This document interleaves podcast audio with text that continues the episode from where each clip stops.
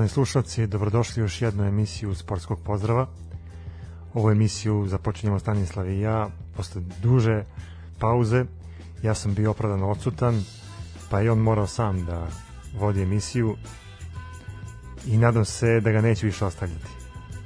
Da, ovaj, pa nije bilo lako, moram priznati, ali dobro. Mislim ja ti, ja ti skidam kapu, da, ja sam imao da priliku da te slušam da. zadnjih pola sata poslednje emisije i stvarno dobro si to odradio bio si na nivou zadatka. Da, ovaj, pa onda treba nam, trebala nam je mala pauza, ovaj, malo smo zbog nekih drugih stvari malo odmorili, jedan dan preskočili, a zapravo smo onako malo akumulirali teme o kojima ćemo danas pričati.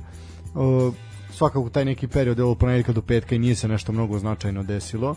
Pa ali sad uvek kad nečeg nema onda dođe bum. Pa da, sad se malo nakupilo i sad imamo sad možemo onako jako jako i oštro da jako i oštro da da nastupimo.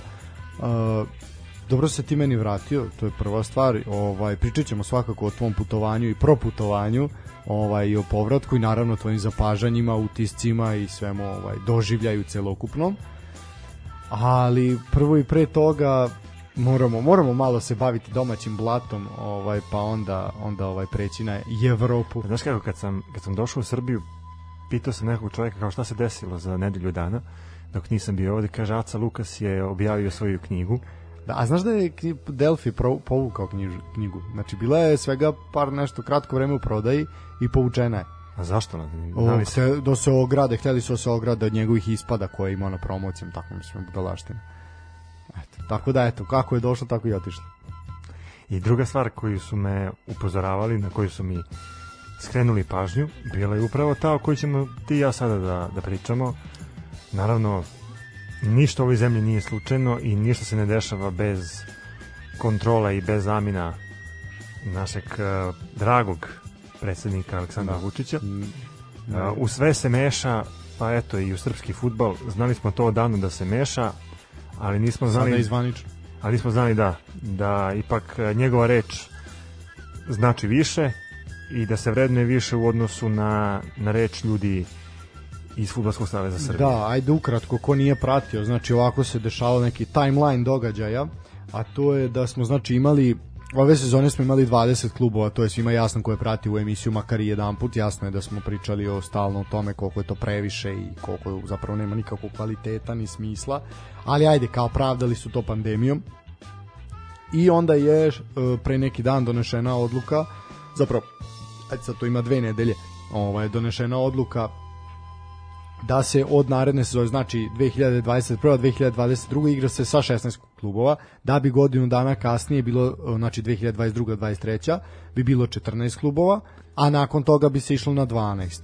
Znači, pritom uz demonstrativan nastup i Vazure i Terzića, kojem su se danima pojavljivali u medijima, em su tamo istupali iz organizacija i tako dalje i tako dalje da bi Futbolski savez Srbije na čelu sa tad, sada vršiocom dužnosti ovaj Nenadom Bjekovićem ovaj vršio dužnosti predsednika usvojio tu odluku i mi smo se svi poradovali i mi smo čak i o tome pričali da je to konačno konačno nešto što ima da, smisla. Da, konačno je jedna dobra odluka i konačno neko misli o budućnosti ovog fudbala. Tako je, za, za onako za momenat je sve to delovalo kao nešto što je isplanirano, konačno neki sistem eto ovaj sve je sve ovaj i dolazak Pixija za selektora, naš kao sve to i odlazak Slaviše Kokeze, ono kao ajmo kao, mislim šta god mi misli o Nenadu Bijekoviću, Nenad Bijeković je čovjek iz fudbala, za razliku od Slaviše Kokeze, više nego Slaviša Kokeze u svakom slučaju. Tako mislim, i dugo godina je u fudbalu, pritom je pritom, legenda i francuskog i domaće fudbala. Apsolutno, mislim tu nema priče, šta god kaže mi mislili o njemu ili ne, ili kogo drugi, ali opet je više, više u tome svakako Slaviše Kokeze.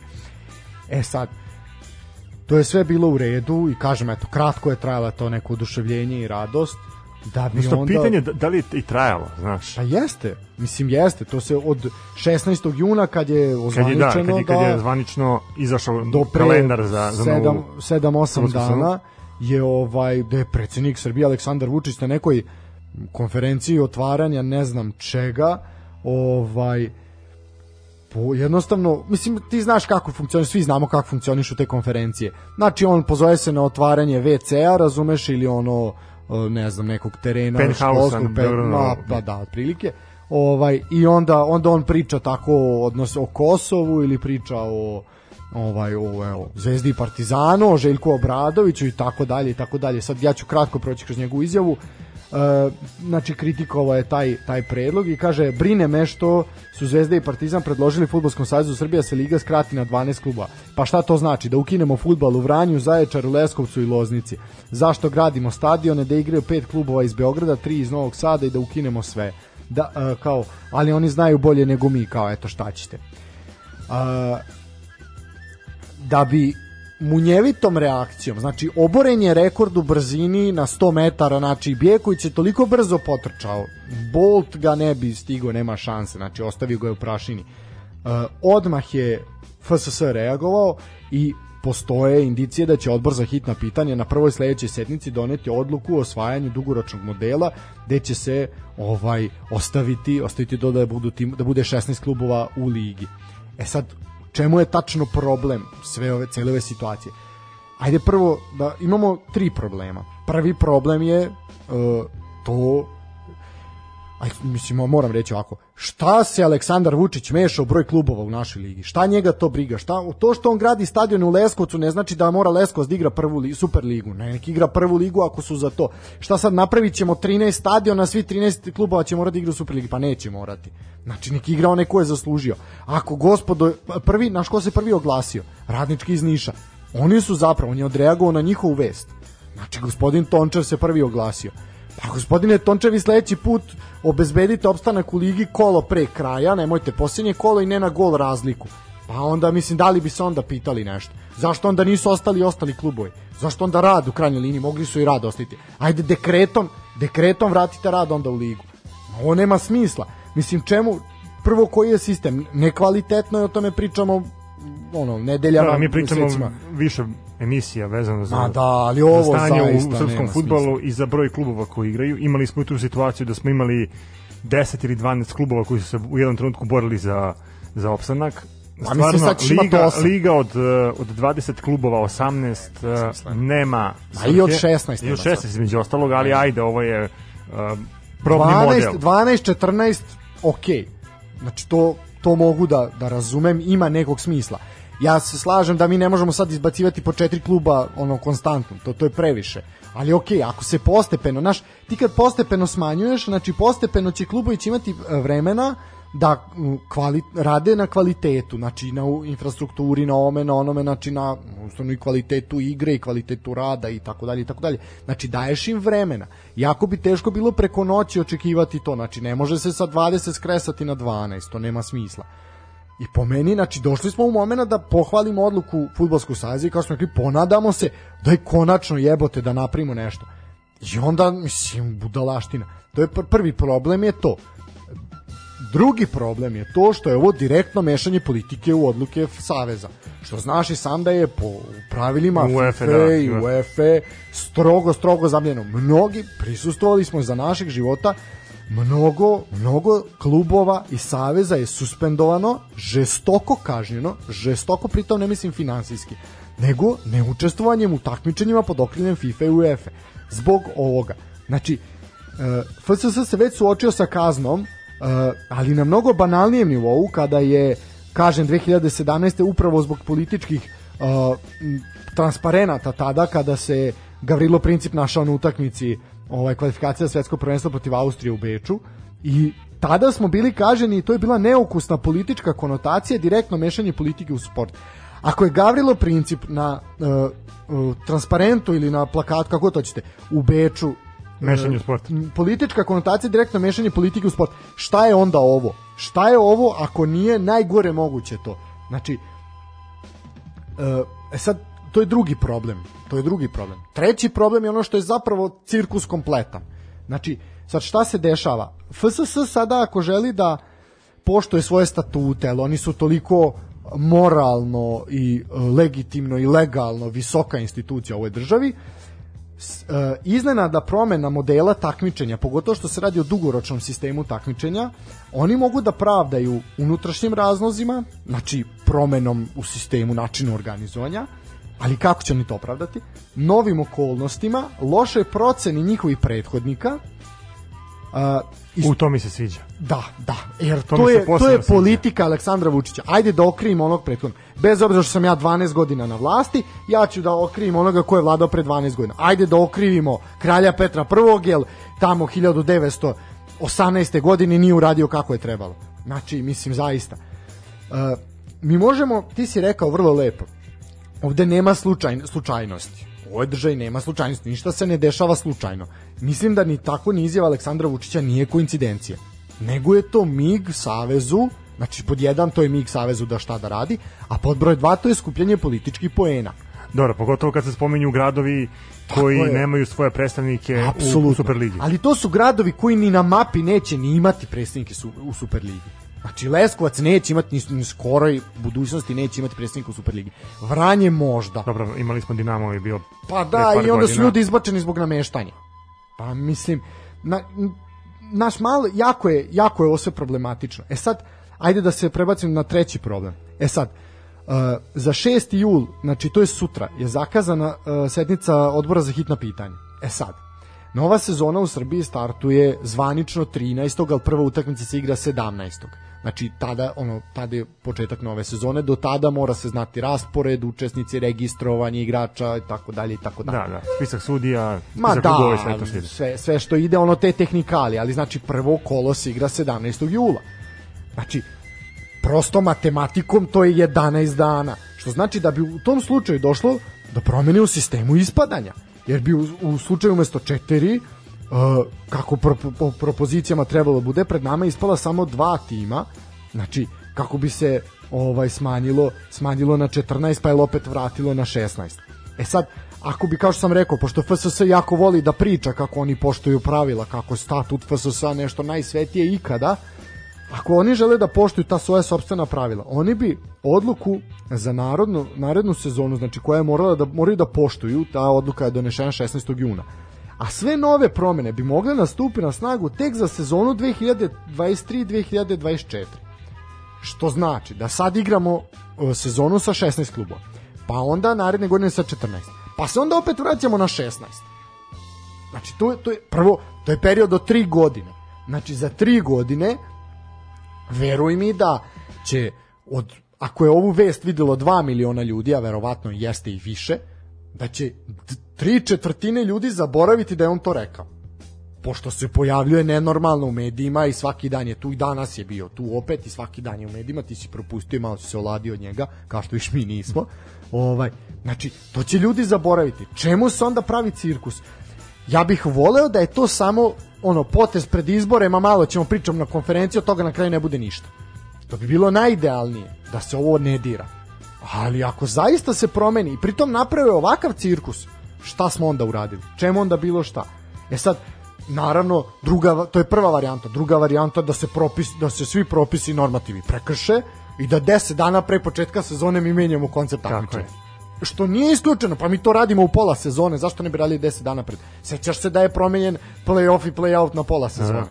Znači, zaista... suštini, mi smo shvatili vremenom da kod nas e, neke stvari ne funkcionišu odavno, ali ajde da što ne funkcionišu, nego mi ni čak nešto što kao planiramo ne možemo da isplaniramo kako treba i da uradimo kako treba. Evo, to je baš na ovom primjeru e, dobro i ispalo, jer vidimo tu situaciju da ti par dana pre početak prvenstva ne znaš tačno sa kojim brojem klubova ulaziš u narednu sezonu. Ja, mislim, samo ajde ovako, znači, uh, značajan deo javnosti, sportske javnosti, kakva god ona bila u ovoj državi, ali u blatu ko što je država, uh, da ne pričam koliko su se obradovali SNS funkcioneri po klubovima. Po tim istim klubovima koji su se borili grčevito za opstanak. Znači, to je, ja to tebi ne mogu, ne mogu opisati. Znači, Vranje, Leskovac, Loznica, Zaječar, ljudi su se radovali.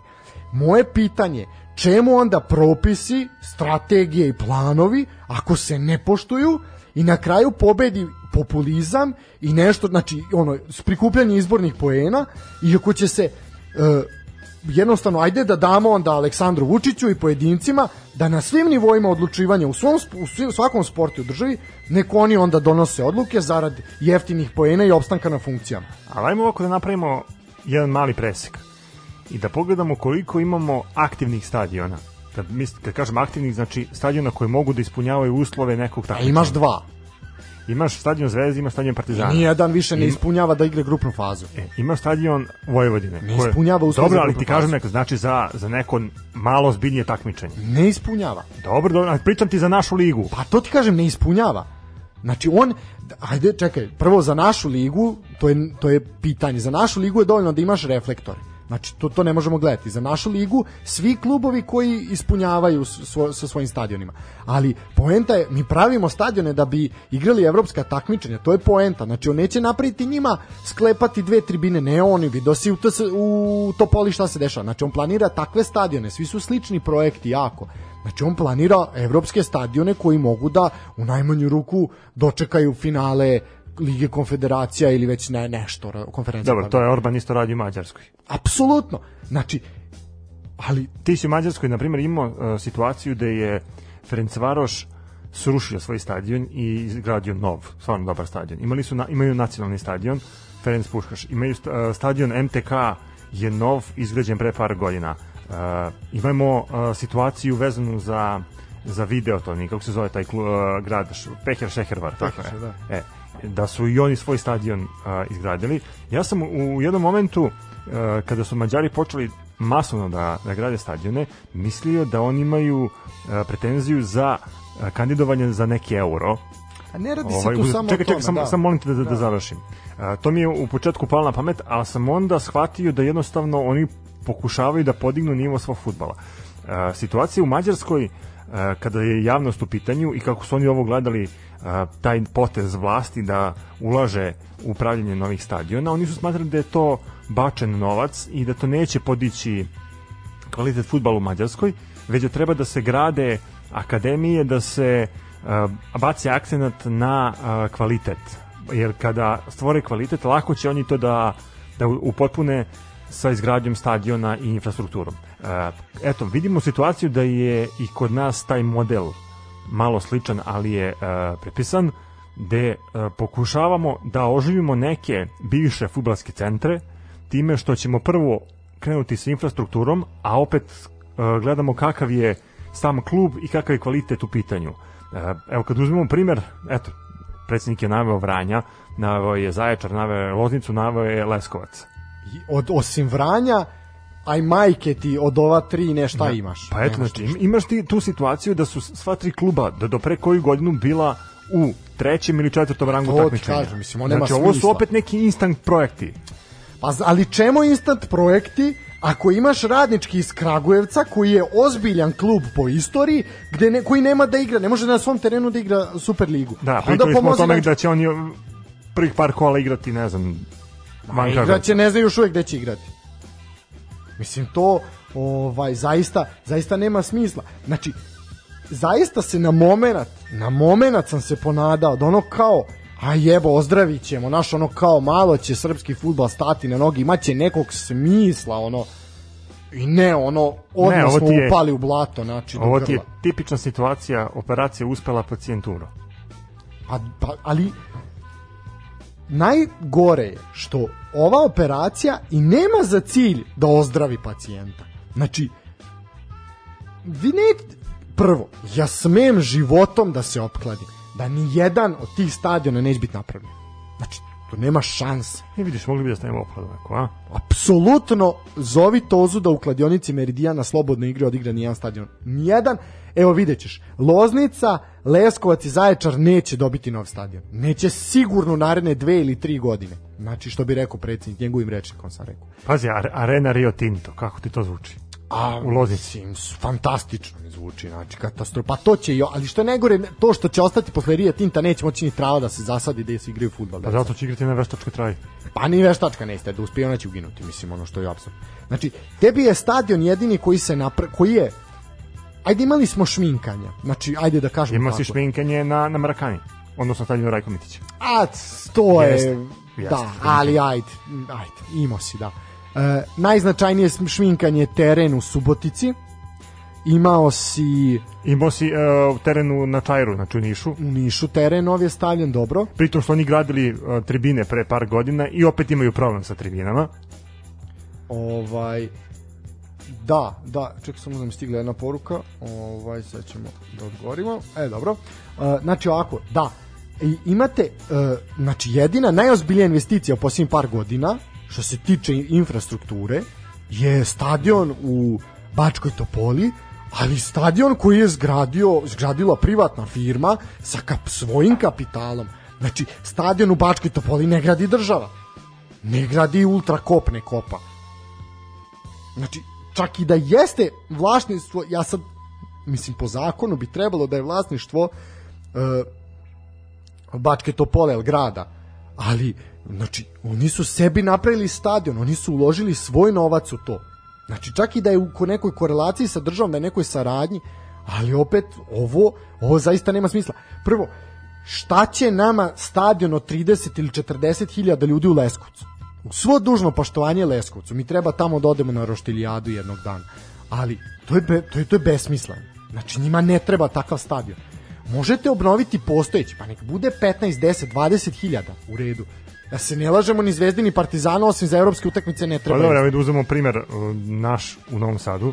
Igra stadion Vojvodine, koji je kad bio posljednji put pun kad su igrali utakmicu protiv pa, Alkmara i sa skoro, i protiv da. Sampdorije. Pa eto ja sam imao tu priču, ovaj imao sam tu priču o Karadžiću upravo i eto iz ovih nekih razloga i pobuda, ovaj pritom i u taj stadion se ulagalo. Ali jeste, ali ulagalo se, znaš kao, e, čekalo se 10 godina na reflektore. Da, da, dobit ćete reflektore, 10 godina je prošlo.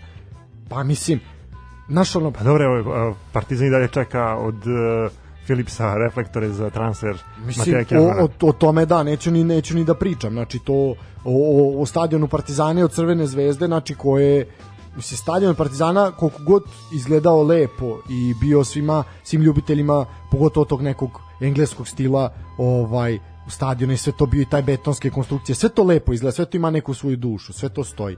Ali vi na stadionu Partizana nemate kršten WC. Znači, to znaš i ti vrlo dobro.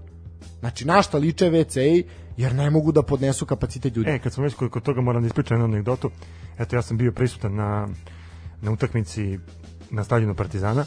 Između ostalog, taj dan uh, se desilo svečano otvaranje WC-a na, na istočnoj tribini i to je službeni WC koji koriste uh, novinari, koji koriste uh, predstavnici medija, koji koriste između ostalog i igrači i došlo do toga da je WC posle 10 minuta korišćenja ovaj uspeo da se pokvari ili da zablokira. Uh, oni su posle toga krenuli u rešavanje tog uh, da kažem problema i WC nije radio narednih 5 dana, ali eto ja se nadam da su to uspeli da reše i nadam se da će WC spreman biti za početak nove sezone i za evropsku premijeru. Ali eto, uh, pazi, ova absurdna situacija koja se eto desila na, na stadionu Partizana ti samo pokazatelj uh, kako se neke stvari rade u našoj zemlji. Ne kažem ja da, da je Partizan tu kriv, uh, više mislim na to da jednostavno nema taj sistem ulaganja pravovremenog i da ne, ne postoji način da se to uh, adekvatno uradi. To je sve uh, brzinski, to je sve samo da se našminka, da prođemo tu kontrolu, pa ćemo onda od sledeće godine pa ali, i ovo na Mislim, jasno je, jasno je zašto, to su mnogo i ozbiljniji analitičari, analitičari od nas rekli. Znači, za bilo kakav ozbiljan projekat, pogotovo kad ga radi država, gde moraš da prođiš tendere, bla, bla, bla, bla, bla, znači, tebi je potrebno vreme. A ne može vreme jer je potrebno nešto instant za slikanje, što si sam rekao, znači ajde da ušminkamo, da se slikamo, mi smo to otvorili, eto, radi se, gradi se, napredujemo i vozi dalje to što će se to raspasti istog momenta kad se kamere ugase, to nikog nije briga. Jer, nažalost, ali za futbal u Srbiji nikog nije briga. Da je javnost briga, naravno da bi se skočilo na ovu odluku. Ali, nažalost, našu javnost što šta nije briga. Št, za, mnoge stvari ljudi okreću glavu. Ovo je sramotno i, i mene čak fascinira što su portali koji su inače e, naklonjeni vlasti odreagovali onako kritički na ovu odluku Znači, niko od nijedan zato što je nije- zato što je ova odluka toliko mizerna u odnosu na neke druge stvari. Odluka je debilna, znači to, to, je, to, je, to je prava reč, znači ovo nema smisla, ovo je, ovo je znači e, ova sezona je odlikovala toliko, toliko glu- Nepravilnosti i nelogičnosti između ostalog. su blage reči, šta smo mi sve vidjeli.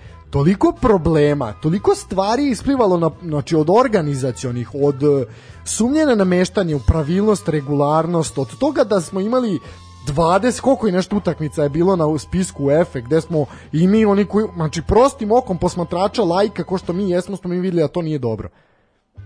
I ti onda, umesto da pustiš, ajde da malo, kao, ajde da malo sredimo, da nam se, nama, su, nama se cijela Evropa smela za u ligu. Pa dobro. Znaš, porede nas sa Nigerijom. Nigerija je liga kečeva. Nigerija je liga gde imaš 80% pobede domaćina. Kod nas nema 80% pobede domaćina, ali zato ima prelaza koliko hoćeš. I golova u polovremenima i svašta. A u tome smo najbolji. A u tome Pa smo da stvarno najbolji. I onda još okrive Tajlanđane. Tajlanđani su krivi što smo mi barabe. Ne, kri, E, krive je prošla vlast. Kriva je prošla vas. Tako je Tadić koji je šutirao penale na, na Marakani. Na paksu. Ajde, ajde.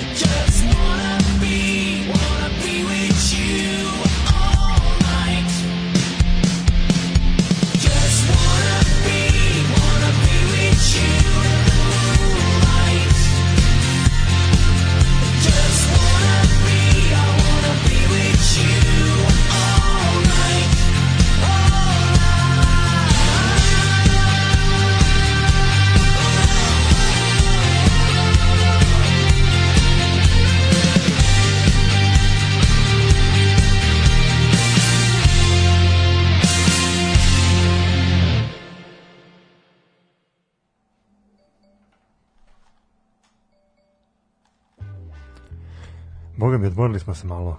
Uf, da, jesmo. Evo, stižu, stižu poruke, stižu poruke. Smirila se tenzija. Da, da, kaže da, evo, malo svi, svi pide si dobro, si dobro, ona, meni trenutno pritisak, pa sad ćemo vidjeti kakva je situacija.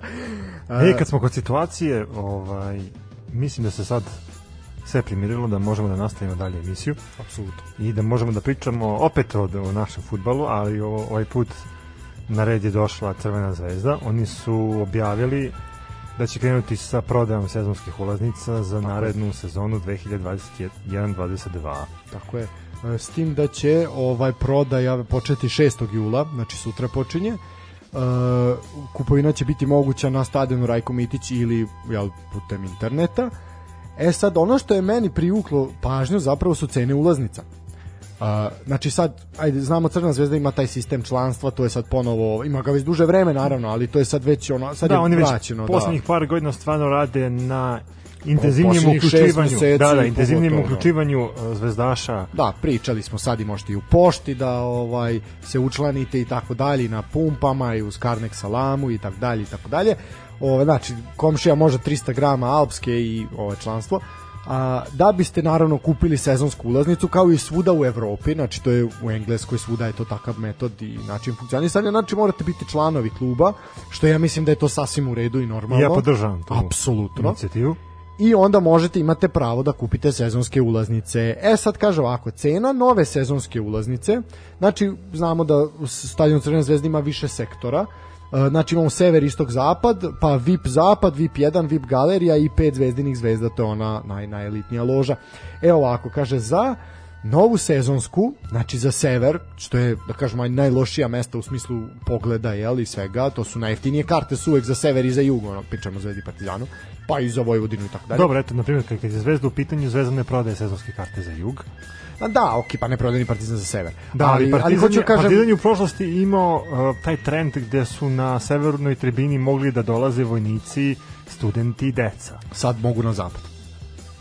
Pa ja. Da, da, da, da, sigurno. Sad ulaze ovaj pripadnici pripadnici ovaj vojske Srbije ili ak, učenici vojne akademije ili vojne gimnazije, znamo da je ovaj dom vojne gimnazije u, u samoj blizini stadiona ovaj da oni mogu da uđu na svoju legitimaciju još uvek još uvek to ovaj da kažemo to druženje aktuelno. Uh, ali hteo sam kažem, znači to su ono fan base tribine gde su najjeftinije cene karata.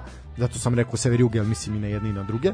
Znači cena nove sezonske karte za nekog ko prvi put sada kupuje sezonsku ulaznicu je 4000 dinara što je ako pogledamo uporedimo sa Partizanom prošle sezone pa i prethodnih sezona za novu sezonsku za sever poprilično. Znači ta svo to je to je poprilično. S obzirom da u sezonsku ulaze samo kvalifikacije i e, i domaća to, to zavisi od kluba do kluba to je politika, sam, to je politika kluba da. i uh, klubovi ne, određuju posebne cene karata idu naravno i posebne karte za UEFA takmičenja da, da, za grupne, grupne faze. faze da. ali kažem ovako je situacija kod nas Znači, 4000 dinara poprilično mnogo. Ako uzmete da je prosečna cena za sever 200 dinara po utakmici, znači koliko morate? Morate na 20 utakmica da odete da bi vam se to isplatilo. Ali za onoga ko obnavlja sezonsku ulaznicu, gde je cena samo 1000 dinara, što je drastična razlika, znači te je... To, četiri puta jeftinije. Pa da, četiri puta jeftinije. To je, mislim, prvo, za 1000 dinara to je smešno. Znači, svako će obnoviti. Ali, po meni je više veći problem što je ovo skuplje ovoliko, ali ta obnova je, je super stvar. Znači ti ovim, ovo je odličan potez marketinga. Znači ti ćeš privoleti navijače koji su kupili sezonske karte za vreme korone da ponovo obnove svoje sezonske. Ako ali nisu imali... sad ima još jedna caka na kojoj nismo verovatno razmišljali.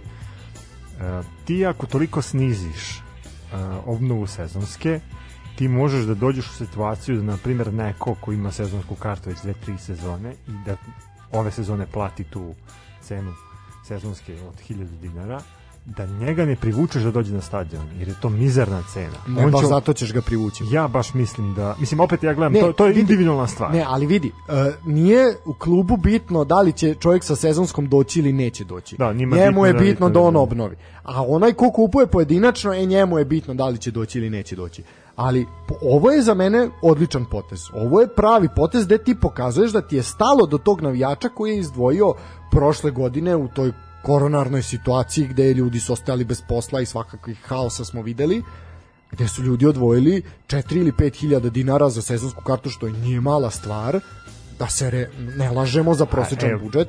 Opet gledaš kao je pravedno to. Jeste. Mislim, uzmeš sad, Mislim da situa jeste. uzmeš sad situaciju da prošle sezone nije bilo publike na našim stadionima i neko je platio 4000 ili 5 koliko već sezonsku i sad ponovo treba da obnavlja za nešto što što nije prisustvovao. A ne, ne, ne, ne shvataš ti, on neće on obnoviti za nešto što nije pristo, on obnavlja za sledeću sezonu. Ja za sedam sezona, a ti kažem neko, znači ti si neke pare dao, a nisi prisustvovao. Ali dao e sad, si, na primjer, a mogo je, mogo je klub da izađe i da kaže svi koji su a, kupili sezonske prošle sezone imaju, ne znam, neki poseban popust ili imaju pravo na, ne znam, kupovinu A nekih čekaj, suvenira. ali to ne ili... funkcioniše tako, mislim, uh, uvek se nagrađuju oni koji su redovni, znači koji obnavljaju godinu za godinu. Pravi navijači su prošle godine kupili sezonsku kartu. Imali smo situacije u Mostaru i u Sarajevu gde su navijači kupovali i, i rasprodavali su se celi stadioni za, znači iz kola u kolo da bi se pomoglo klubu. Kupovina sezonske karte je jedan kroz jedan primjer kako se pomaže klubu. Znaš kako se radi u staroj Jugoslaviji? Ima si sezonsku kartu na kojoj su bili napisani on brojevi kola. I ti dolaziš, odnosno ulaziš na stadion i čovjek koji tebi omogućuje ulazak redar, redar tebi kao ranije što su se cepale karte, odnosno e, bušile, on ti izbuši za to kolo. I ti posle da bi ostvario popust za narednu sezonu moraš da imaš određeni broj utakmica odgledanih i ti doprinosiš time što donosiš tu svoju karticu na kojoj ima toliko ali to nema smisla, kako ne shvataš?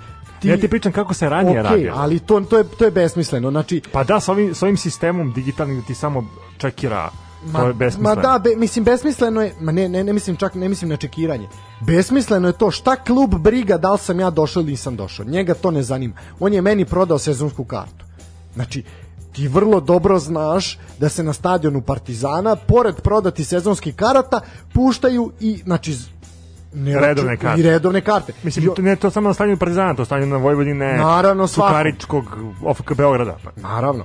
Znači, i, ali, znači, klub nije briga da li sam ja došao ili nisam došao. Klubu je bitno da meni proda sezonsku kartu, jer on od toga živi. Znači, njega totalno ne zanima da li ću ja biti pet puta ili ću biti jednom ili neću biti ni jednom. Znači, to, to njih ni ne, ne igram ulogu. Uh, po meni je sramotno, ja spominjem, namerno spominjem Partizan iz jednog razloga, znači, sramotno je da, ja sad samo čekam odgovor sa druge strane brda, Znači, ovo što je radila Crvena zvezda za svaku pohvalu. Partizan e, svoje popuste daje, znači to su smešni popusti, sa 5000 na 4. To je ništa. Znači, to je ništa. Po meni, ovako nešto slično ja očekujem od futbolskog kluba Partizan. Ali Dobro, da primjer, eto, spomenuo si Partizan, ja bih spomenuo Vojvodinu. Vojvodina je isto imala da, istu situaciju gde je, na primjer, ne znam, Sever je koštao koliko, hiljadu i po dinara, Zapad je bio dve i po, istok je bio E, da, s tim da te Ne, moram da. podsjetiti da su cene karata na, ka, za Karadžođi jeftinije nego za Jana i za Varekana. Da, da. Znači, jednostavno, prvo, to je Novi Sad, znači drugačije, drugačije funkcioniše. Sa treće strane, Karadžođe je domaćin dva, dva kluba, pritom Proletar ne prodaje sezonske karte, on prodaje samo na dan utakmice i sav prihod opet ide Karadžođu. Ide, Karadžođe je posebna firma, jel? Stadion Karadžođe se- je firma koja je posebno registrovana. Znači, opet kažem, s marketiške strane, fantastičan potez. Čekamo odgovore ostalih klubova. Niko drugi, Crvena zvezda je zaista sad prva koja je koja je izašla koji je objavila da, da, prodaje sezonske karte za narednu sezonu. I poprilično rano je počela sa prodajom, Možda čak i kasno, ali opet su se oni prvi setili. pa vidi, Pazi, rano u odnosu gledamo kako kad, inače. kad, kreće utak, kad kreće prva utakmica. Pa znam, ali inače se sezonske karte počinju da se prodaju tek u Mesec. drugom kolu kvalifikacija. Znači već Pa dobro, ja, ja, ja znam utakmica. neki drugi primjer, znam da, na primjer, da se praktikovalo mesec dana pred prvu utakmicu. Pa tako, usko- skoro nije bilo tako u našoj ligi, ali ajde. Kad zadnji put kupio sezonsku kartu u našoj ligi? Prošle sezone. Jesi, ali kad dobro kup prošle sezone ne računaš, a pretprošle? Pa ne, kup, kupim, kupujem ja radno, imam, imam možda sigurno 15 godina. Prošle, redovno. pretprošle Da. godine su puštene tek u drugom kolu kvalifikacija. Znači već Dobro, je da bila opet liga kažem ti, zavisi koji klub. Tako je, zavisi koliko je revnosan marketing. ali imaš problem da eto ispada da osim Crvene zvezde niko drugi nema marketing. Ili za, zapravo ima, ali marketing ne radi svoj posao. Pa dobro. Šta, šta ti kažem sad na ovo? Pa ovo je bio, ne, pa mislim da se složiš sa mnom ko što i treba. ne, ovo je samo, ne mogu reći apel, ali ono kao, aj malo se trgnite jebote, aj daj malo, ono nek neko brine računa, pa vraćamo se na stadion. Slušaj, pa možda, možda ljudi koji rade marketing po futbolskim klubima i čekuju da neki savet od predsednika. A, misliš da je mig potreban? A možda očekuju četvrti nalet, ono, peti pik talasa. Ostalog Delta soj, sada kad nagrne. Na, mislim, zaista ne znam.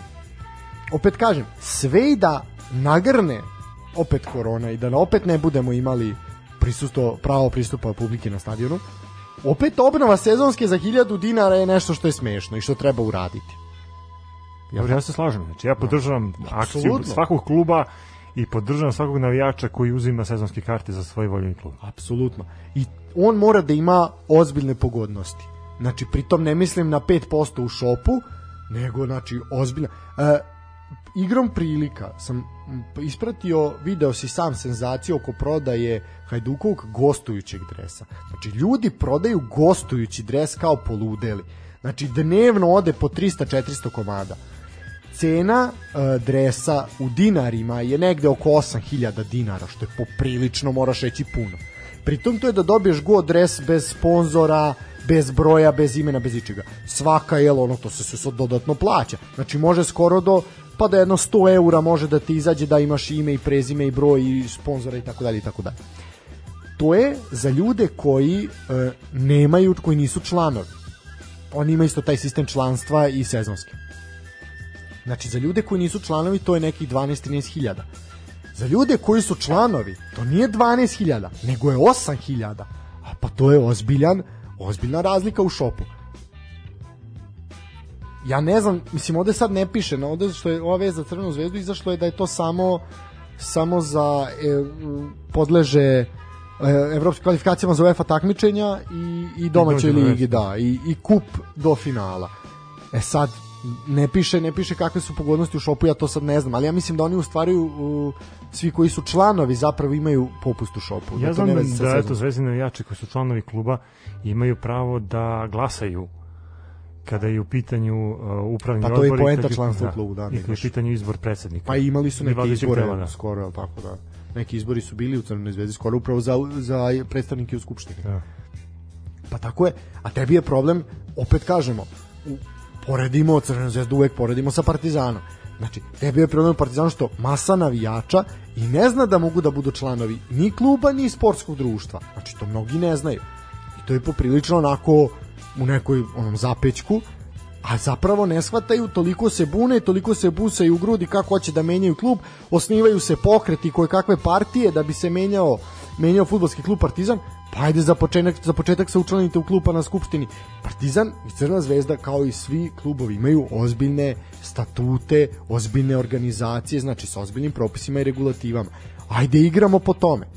Pa ćemo onda protestovati ispred stadiona ako ne bude se poštovalo.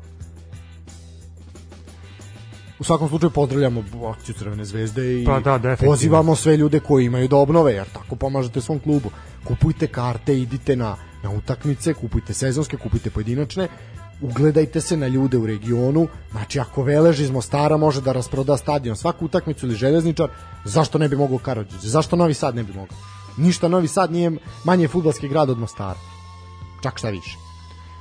Pa dobro, eto, mi ćemo ispratiti svakako uh, akcije koje slede vezane za marketing uh, fudbalskih klubova u našoj zemlji, pa ćemo vidjeti kako će oni to odraditi i na koji način.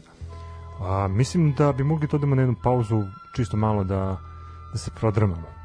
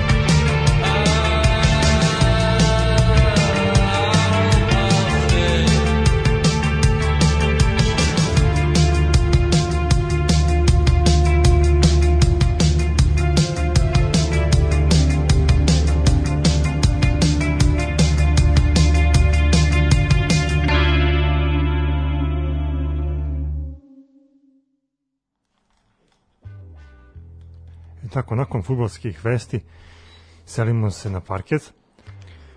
Šta imamo na parketu osim A. neuspeha naše košarkaške reprezentacije? Pa, imamo prelazni rok. Tako je, u Partizanu, koji je sad da. jako zanimljiv, ovaj, na koji se javnost onako fokusirala izuzetno. A, ajde, prvo ćemo se baviti time, pa onda svakako i reprezentacijom. Ajde, ovo se prvo dešavalo. A, počelo je licitiranje imenima. Čuli smo prvo ime kojem se veliko kojem se licitiralo je bio Kalinić. Međutim, on je odbio ugovor. Zatim je ugovor prihvatio Kevin Panter. Majčin Panter je stigao, ovaj, on je došao iz e, Olimpije Milano, koliko sam ja shvatio, jeste, da. Uh, on je odbio u Euroligi, mislim da je Olimpija bila treća na kraju ovaj, u konačnom poredku, sad možda ja i grešim, ali mislim da je tako. Znači, zaista jedan efikasan igrač koji ubacuje mnogo poena i to je nešto što će Partizanu svakako trebati. Pritom je čovjek koji je sarađivao već sa Željkom Obradovićem. Tako je, ali ono što je posebno privuklo pažnju naše javnosti, to je igrač koji je igrao za ekipu i železnika. Znači za Crvenu zvezdu. E sad, uh, otkrilo se odmah i detalji ugovora. Mislim, nisu zvanični, ali ajde, to su neka govorkanja. Uh, I sve su to neke kafanska naklapanja. Ali ajde. I Panter je postao peti stranac koji je nosio dres i Crvene zvezde i Partizana. I onako zaista jako je odjeknulo ovo u javnosti sad je nekako, mislim znali smo da će dolaskom Željka Obradovića fokus javnosti košarkaške javnosti pa i sportske biti na košarkaškom klubu Partizan. To nije bilo spora uopšte. Da, da, kako pogledaš, na primjer, Partizan je napravio rezove kada je u pitanju igrački kadar. jeste, mnogo igrača je otišlo Dosta igrača je otišlo, uh, eto, imamo Ogina Jarmaza koji je potpisao za Bayern. ok, Ognjena Jaramaz je napravio transfer to Dobro, je ali nešto pričam, drugo pričam o tome, znači da, da. uh, Ovi da ostali ljudi su koji su, činili, šutirani. koji su činili okosnicu prošlogodišnjeg tima, sa nekima se Partizan sporazumno rastao, neki su eto napravili transfer, uh, neki su eto otišli i više se nisu vratili. Ali eto, dolaskom Željka Obradovića imamo tu situaciju, kao što se već napomenuo, da se mnogo priča o eventualnim transferima i dolasku u Partizan. pa da, Pritom. Željko Obradović, kao što smo već više puta pomenuli, je jedno veliko košarkaško ime i sam magnet uh, za privlačenje što javnosti, uh, što igrača, uh, on, njemu je potreban definitivno uh, neki kadar s kojima može da raspolaže. Uh, pitanje je koliko tu mogu da prate funkcioneri kluba Zoran Savić i da Uh, interesuje me stvarno kako će Partizan da odradi ovaj prelazni rok i na šta će ta ekipa da liči. Da, što se tiče Pantera, 2,5 miliona dolara za dve godine. Znači, e, pa onda se pritom ponudilo Bjelici 2,5 miliona po godini. Znači, to su poprilično, sad se licitira, licitira sa Micovim i tako dalje, pa sa Vanjom Marinkovićem se licitiralo i tako dalje i tako dalje. Znači, Dobro, Vanja Mariković je gde završio u Ansi. Da, otišao je na kraj. Uh, ali ono što je mene što mene najviše nervira je to sad te priče a odakle vam pare, odakle vam pare, da, jao, časovi ljubavi, svi igraju iz ljubavi. Uh, ja imam samo pitanje za te iste koji sada postavljaju pitanje odakle pare. Mi smo prvi postavili pitanje odakle novci. Kako se preko noći pronašlo 11 miliona eura za budžet? Odakle? Kako ste, kako, ko na ulici nađe 11 miliona eura i kaže, evo sad ću da ih saspem u klub. Pa ostaje Milo- Mija Ilović, onda najpošteniji čovjek na svetu, ali te pare nije uzeo za sebe. E, to je prva stvar. Znači, jako je velik problem, mene jako nervira što, što je budžet netransparentan. Ne samo Partizanov, nego i Crvene zvezde i ostali klubova. Ali ajde ako pričamo o ABA ligi, ne možemo tražiti mi odavde iz Novog Sada i Srbije da budućnost pokaže transparentnost svoj, svog budžeta. Ali ajde da makar naši klubi budu transparentni. Pa onda Nebojša Čoviću kad pokažete odakle vama pare, onda nek pokaže i Ostaje Milović. Ili nek Ostaje Milović pokaže prvi pa Nebojša Čović. Nije ni bitno, ali ajde nešto uradite. Nego, Ali pazi, mi ovdje imamo tu situaciju da se dovođenje igrača mahom vezuje za Partizan i Zvezdu. A, oni nemaju bazu iz koje mogu da crpe svoje igrače. Odnosno, Zvezda ima bazu, ali je ta baza više preseljena u FMP, pa vidimo stalno seljakanje na relaciji FMP Crvena ali to je seljakanje u toku sezona, da, u nema toku razvitak. sezona, da. da. Ja, imaš Megu kao projekat koji je menadžerski i koji funkcioniše posebno. posebno, Zasebno, da. da, da. Da, oni se baziraju znači na dovođenju Mladih talenata. mladih talenata u klub i njihovu promociju plus vraćanje nekih starih prekaljenih aksova Da koji će pomognu- imati, da im pomognu imati da ulogu razviju. kao nekog mentora na Apsolutno, terenu. apsolutno. A, Kod Partizana i Zvezde to nije slučaj. Partizan mislim da u mlađim kategorijama nešto i baš ne stoji baš. A dobro, imaju sad taj razvojni tim Dobro. sa Zemunom, su da, radosti Zemunom. Ali gledam to, na primjer, da se politika kluba više zasniva i kod Zvezdi i kod Partizana na kupovini i dovođenju igrača. Pritom, absurd je što je Željko Obradović, ja ne znam da si gledao konferenciju, to konferencija je bila u periodu kad si ti bio u Budimpešti. Znači, absurd je što je Željko Obradović rekao da želi da sastavi ekipu domaćih igrača. I onda dovede Kevina Pantera koji by the way ima srpsko državljanstvo, da, ali ono za sad ti okosnicu tima čine Marcus Page koji ima naš pasoš i Kevin Panter koji ima naš pasoš. E, hoću samo da završim ovo što sam rekao, odakle vam pare. E, samo mene zanima, zašto niko nije postavio pitanje, svi ti veliki istraživački novinari koji sada pišu o ome, zašto vi niste postavili pitanje kad je Kevin Panter igrao u Crvenoj zvezdi za odakle pare? Kako to da tada nisu bili skupi, Evo ne tad reći su ti ja, igrali za zato što uh, pojedini sportski novinari, odnosno većina sportskih novinara koji izveštava uh, vezano za, za Crvenu zvezdu ili Partizan, uh, se trude da dobiju određene benefite od klubova. A pišu tek za 20 evra, recimo. Pa pišu, Da, ali da. ih zato po, pozovu na utakmicu pa idu zajedno, ne znam, čarter letom. pa Ti koji to- dobio charter let, ti su avanzovali. Evo ti, na primjer, 20 imaš, imaš Vladana Tegeltiju koji je zvanično dobio ovaj službeni Ali automobil na korišćenje. Tegeltija je ozbiljan sportski novinar koji se time bavi s 30 godina. Pa dobro, ja samo kažem, znači Da. jedno je kad, se- kako, se- kad se baviš novina, novinarstvom, a jedno je kada radiš za neki klub. Znači, Da, evo ti, ti ja okej. pokušavamo, znači stvarno pokušavamo na objektivan način da sagledamo sve sportske vesti u Srbiji. Ok, ali nije ne, rad- ne, ne, ne pljuje vlad, nije Vladan Tegeltija ovde niti bilo ko ko radi za klub se oglasio. Oglasili su se novi, pod znacima navoda, žestokim znacima navoda, novinari Aloa informera Srpskog telegrafa. Gde ste bili, drage moje kolege, jer sam ja novinar isto koliko i vi. Gde ste bili kad su ti isti Panteri, Rivers i ostali igrali u Crvenoj zvezdi? Zašto se tada ćutalo na to? Ne, ne, i tada, tada su igrali iz ljubavi, sad ne igraju, sad igraju za pare. Tada su znali gde stanuje košarka. Ne, nego su došli da igraju zato što da će dobiti pare od reciklaže limenke. Aj nemo, mislim, čemu ovo? Zašto se, zašto se stvara tenzija? Ti svestan šta će biti na derbiju? Ako se ovako bude stvarala tenzija mesecima. Kad počinje košarkaška sezona u oktobru? Septembar, oktobar, tako da. Da, ono, tako je. nice. Znači, ti svestan šta će biti na derbiju? Ja ću ti kažem da, da mene raduje ova situacija. Raduje me dolazak Željko Gdje je Partizan. Raduje me što se Partizan pojačava. Zato što smo imali prošle sezone Crvenu zvezdu to imala poprilično ozbiljan budžet. Ja Imamo Dejana. Radovića na, na njihovoj klupi koji je isto ozbiljan trener i mene stvarno raduje sve to. Sve Ima- ovo imaš. Megu koji ima jako Sve dobar stoji. tim. Ja ne pričam o tome, Stefan. Ja pričam o podizanju tenzije gde se dovodi na situaciju na ivicu sukoba. E to je problem. Naravno da oba kluba, bez jakog partizana nema jake crvene zvezde. Sad videli smo kad je došao Željko Bradović koliko se pojačala crvena zvezda. Doveli su četiri ozbiljne igrača. Sa ova četiri igrača neće se boriti za 17. mesto u Euroligi, nego će možda napraviti neki ozbiljni rezultat. Ali je problem što se dovodi na ivicu sukoba, što se ljudi targetiraju, stavljaju se mete na čelo. Što ono što rade u politici su prebacili u sport. E to je meni, to meni smeta, to je meni problem. Nemam ja ništa protiv ni jake crvene zvezde, ni partizana, ni mladosti iz Zemuna. Problem je taj, to tabloidno novinarstvo i taj senzacionalizam i to targetiranje u krajnjem slučaju pa to je motiv koji je nas upravo da, pri, da se borimo protiv takvih stvari je bio da počnemo ovu emisiju. Upravo zbog toga. Znači po meni nek rade jedni drugi što hoće nek dovode koga god hoće ali onda na kraju godine molim vas pokažite nam gde su otišle pare koliko para je potrošeno i koliko para je ostalo koliko para da. u krajnjoj liniji uloženo u mlađe kategorije To se slaže. Pa da, to je, to je poenta priče. Znači, nemam ništa protivnik, imamo 18 jakih klubova. O, treba da imamo. Srbija je zemlja košarke, jel tako? Da, da, to je bio transparent 2005. Da, da. I kako smo se proveli tad, isto koji sad. Isto koji sad. E, kad smo... E, ajmo da, pre, pređi sad. Kad smo samo sam preskočio ovaj. Evo, samo si preskočio, odnosno ušao si u, u drugu slačionicu. Pa da, pa otprilike da. Kad smo kod te druge slačionice, eto, komentarišemo uh, igre naše reprezentacije na kvalifikacijnom turniru za olimpijske igre. Šta, šta moram te pitam, aj dobro ti si bio u Mađarskoj, ali šta si uspeo da ispratiš? Sve utakmice uspeo da ispratiš samo ove poslednje? Uh, ispratio sam poslednje dve. Ajde, ja ću ti reći, ja sam pratio ove prve dve, taman, taman ja ću Dobro, ove eto, moje jednom punice. da- da- da A, uvek neogodni Filipini po Dominikanska republika. Znači, to ću reći. A, da se, što, se, što je najgore, mi smo se patili protiv Dominikanske republike. Tri četvrtine su bile ozbiljan problem. Prve tri četvrtine su bile problem. U četvrtoj četvrtini smo mi prelomili i njih kao razbili. Ali su momci se debelo namučili.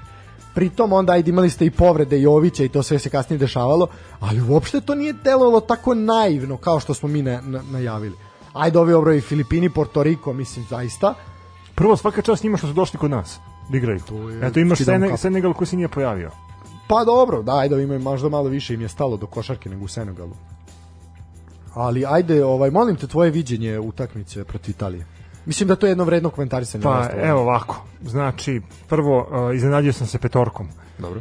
Koju je Igor Koškov izveo. Uh, mislio sam da možda uh, trebamo drugačiji pristup da da primenimo, odnosno da otvorimo utakmicu. E, Italijani su krenuli žusto, krenuli su sa e, motivacijom, krenuli su puni sebe, imali su tu sreću da ih je stvarno lopta htela, odnosno kao između ostalog i celu utakmicu, što im je samo dalo dodatno samopouzdanje da, da igraju bolje. E, mi smo probali u uvodnim minutima e, da spuštanjem lopte na Bobana Marjanovića dobijemo neke lake poene, Međutim, shvatili smo upravo to da je Boban Marjanović u sastavu protiv Italijana, pa ajde da, da se tako izrazim, stvarno limitiran, pritom u napadu ograničen, u odbrani katastrofa.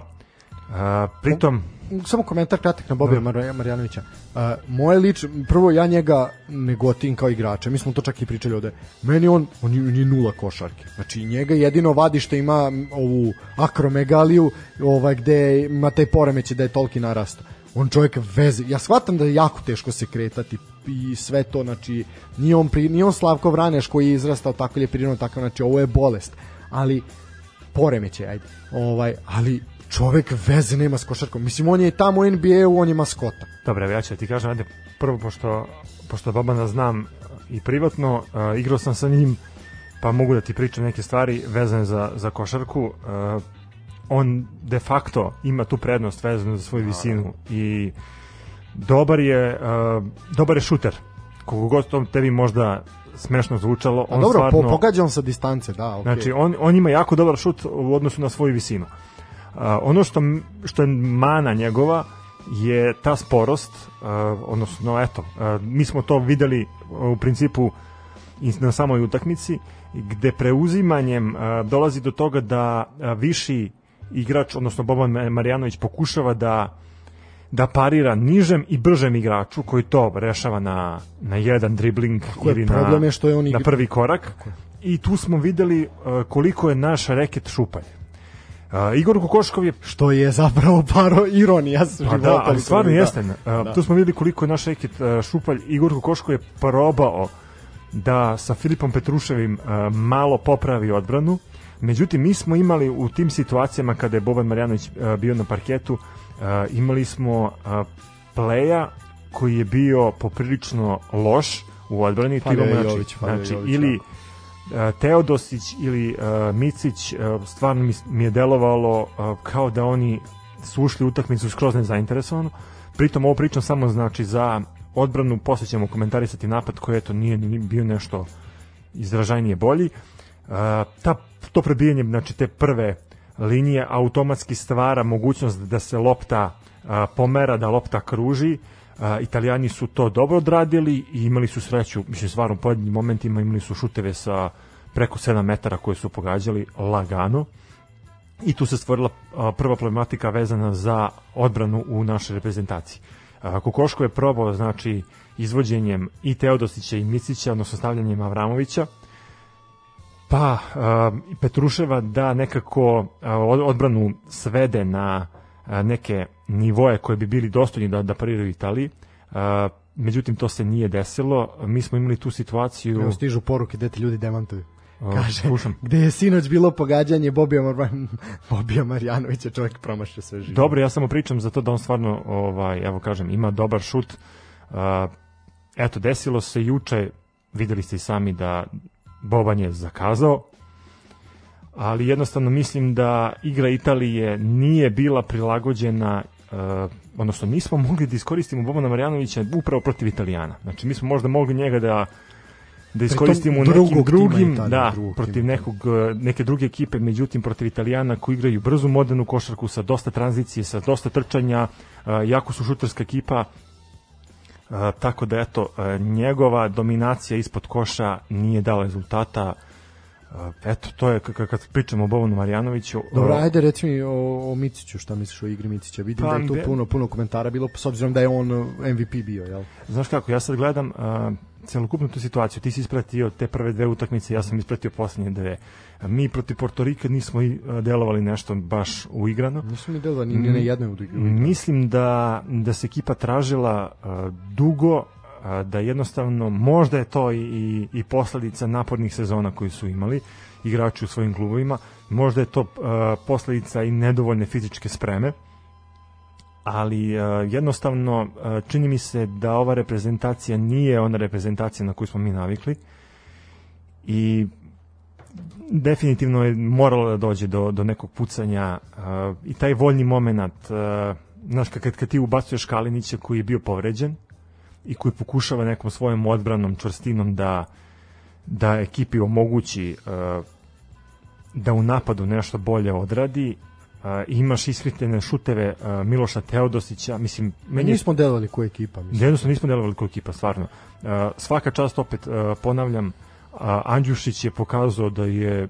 stvarno izrastao jednog jako dobrog igrača. Uh, on je svojim trojkama u pojedinim situacijama stvarno pokušavao da da otvori tu neku seriju koja bi mogla da nam očkrine vrata, da, da, da možemo da stignemo Italijane, međutim, eto, to nije bilo dovoljno i eto, uh, propuštamo olimpijske igre. Mislim, stvarno, znaš kao, jako je teško da komentarišeš, Pa nije teško, sad ću ti reći sva, sve što pa mislim. dobro, pazi, tebi, tebi nije teško, ali meni je bilo teško zato što uh, u neku ruku, dok sam gledao utakmicu, osetio sam se jako napetim i osetio sam da je ovaj stvarno velika žal što propuštamo olimpijske E, igre. mo, upravo to, upravo to sam ja teo da kažem. Ne teško u smislu e, zbog poraza, naravno da jeste, nego sam mislio teško da kažem šta mislim.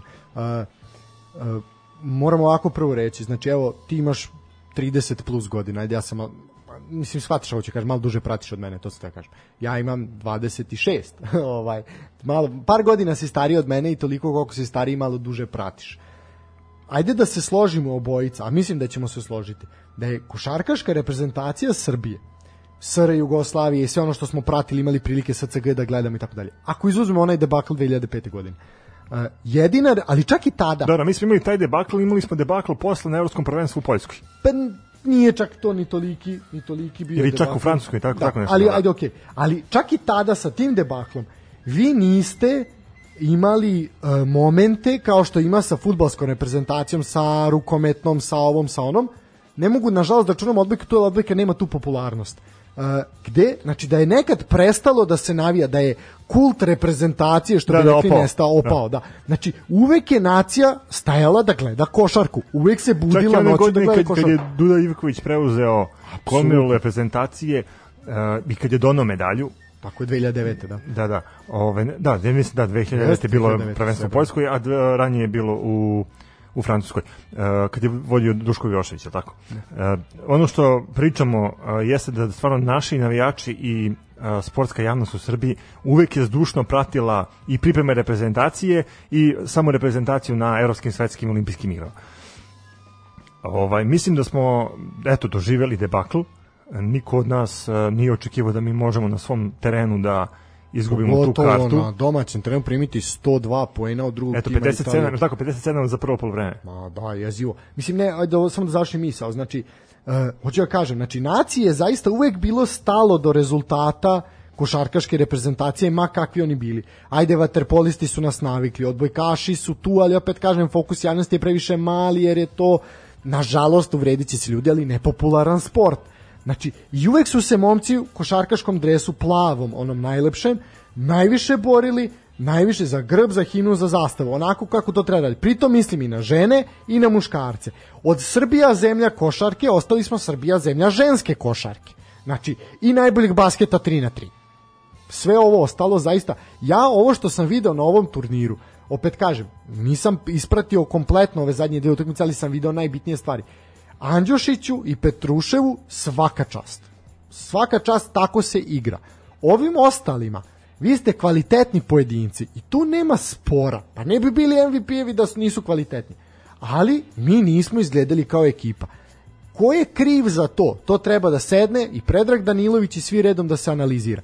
Ko je kriv? Ako je selektor Kokoškov kriv, hvala, doviđenja. Možeš ti biti stručan koliko god hoćeš puta. Ti si pročitao izjavu gospodina Đurovića, al tako vezano Da, za. da. Aj, molim te, prokomentariš pa ćemo i to. Ja, je, baš moram. Moraš, moraš, hoću da, hoću to. Mislim, jel to ti naš, koji ono Dragoslav Stepanović sve to javlja kad fudbaleri ono izgube i tako Ne znam, eto, on, on u suštini iz komentari su A, u svom stilu, da. u nekom svom stilu, eto, penzionerski. A, bukvalno. Da. Kako eto nije očekivao ovo, kako je ovo u suštini samo posljedica svega toga što se radi u, u Savezu i kako eto jednostavno neki igrači uh, nisu smeli to sebi da dozvole. Mislim šta reći, kažem opet uh, veliko razočarenje, uh, mislim da, da se malo priča o, o reprezentaciji iako je već koliko prošlo skoro dan nakon utakmice, uh, potrebno je dosta vremena da mi uvidimo koliko je ovo zapravo veliki neuspeh.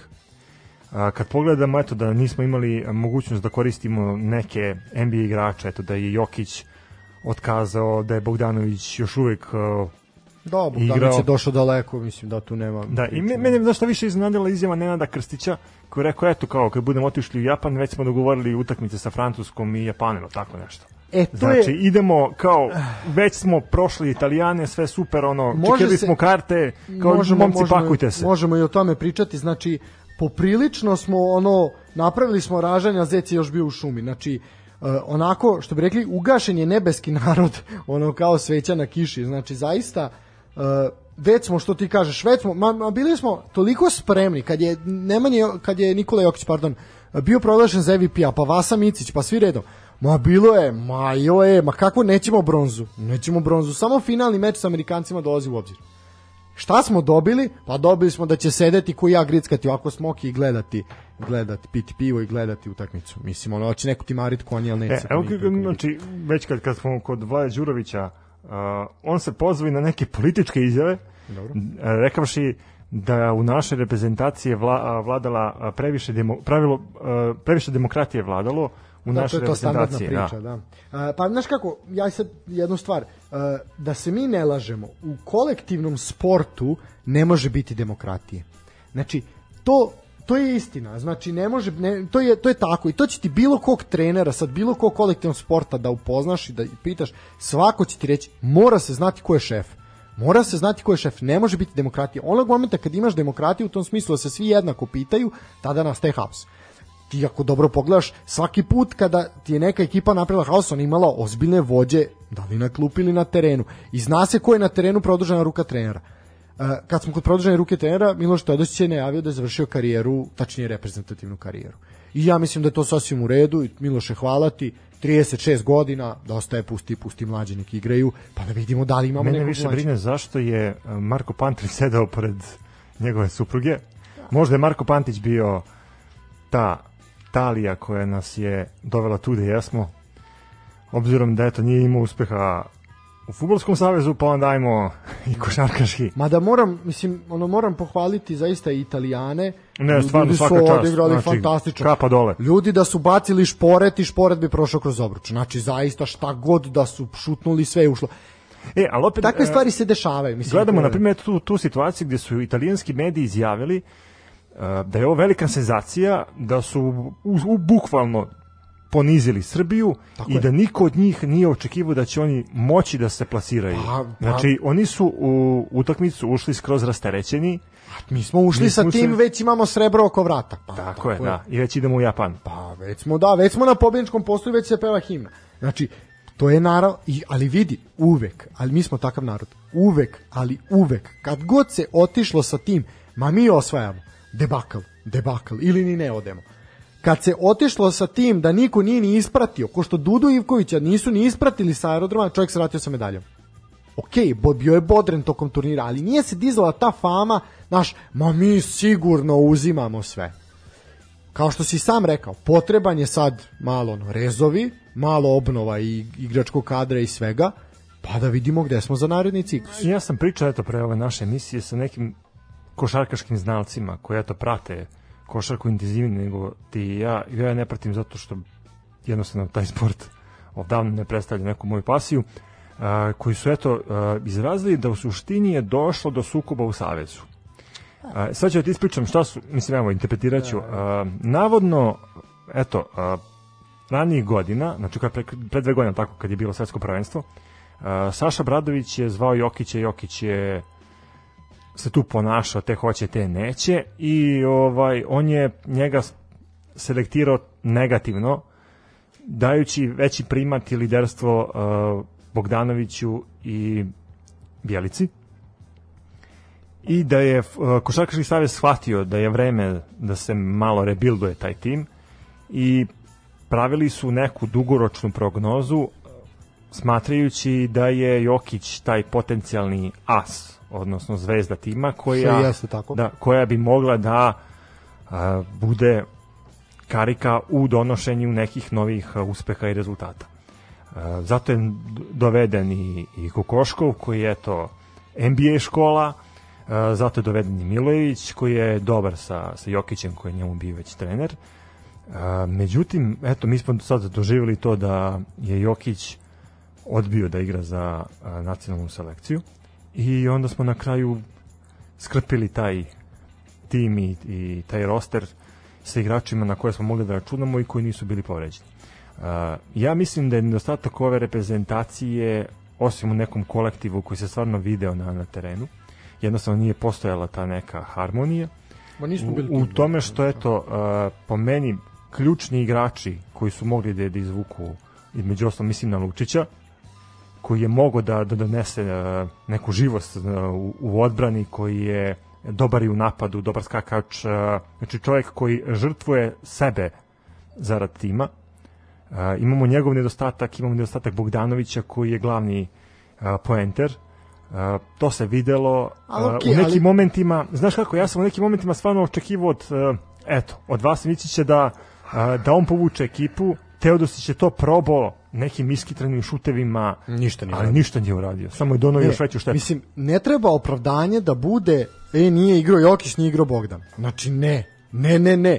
Imali ja, ste ja to što mislim, imate... Ja opet mislim da mi imamo stvarno dobru selekciju. Apsolutno, pa bili smo apsolutni favoriti. Apsolutni favoriti. Imao si dva MVP-a, imao si Bjelicu, imao si Andjušića koji je isto odličnu sezonu, Petruševa, znači Marjanovića koji je NBA igrač, znači po meni, ako se ovo svede na to da je izgovor, pa nismo imali Jokića i, Bog, Jokića i Bogdana, pa onda meni, mislim... na primjer, Dobrić veliko iznenađenje. U, Stvarno, u, u pozitivnom. Mislim da i u ovom očaju Petrušev, uh, Andjušić i, i Dobrić su mi igrači koji su nešto uradili, u, odnosno koji su se videli juče. Pa dobro, ajde okej. Okay. Mislim, generalno, eto, ja, ja bih iz, iz, istakao Andjušića i Petruša kao neko ko bi kod mene dobio prelaznu ocenu. Ovo sve ostalo, bože ti sačuvaj. Uh, u suštini, to je to sa basketom, jel sve smo rekli smo, jel, da kažemo, italijanima srećno u Tokiju, nama tu smo gde smo, mislim, nama su u Tokiju će predstavljati košarkašice i 3 na 3 basketaši. Da, kada pa pričamo dobro, o košarci. Biće, kada pričamo o basketu, na, kada pričamo o košarci, naravno. Ovaj, pa dobro, biće nam dosta dve medalje, a jebi ga, ne mora tri.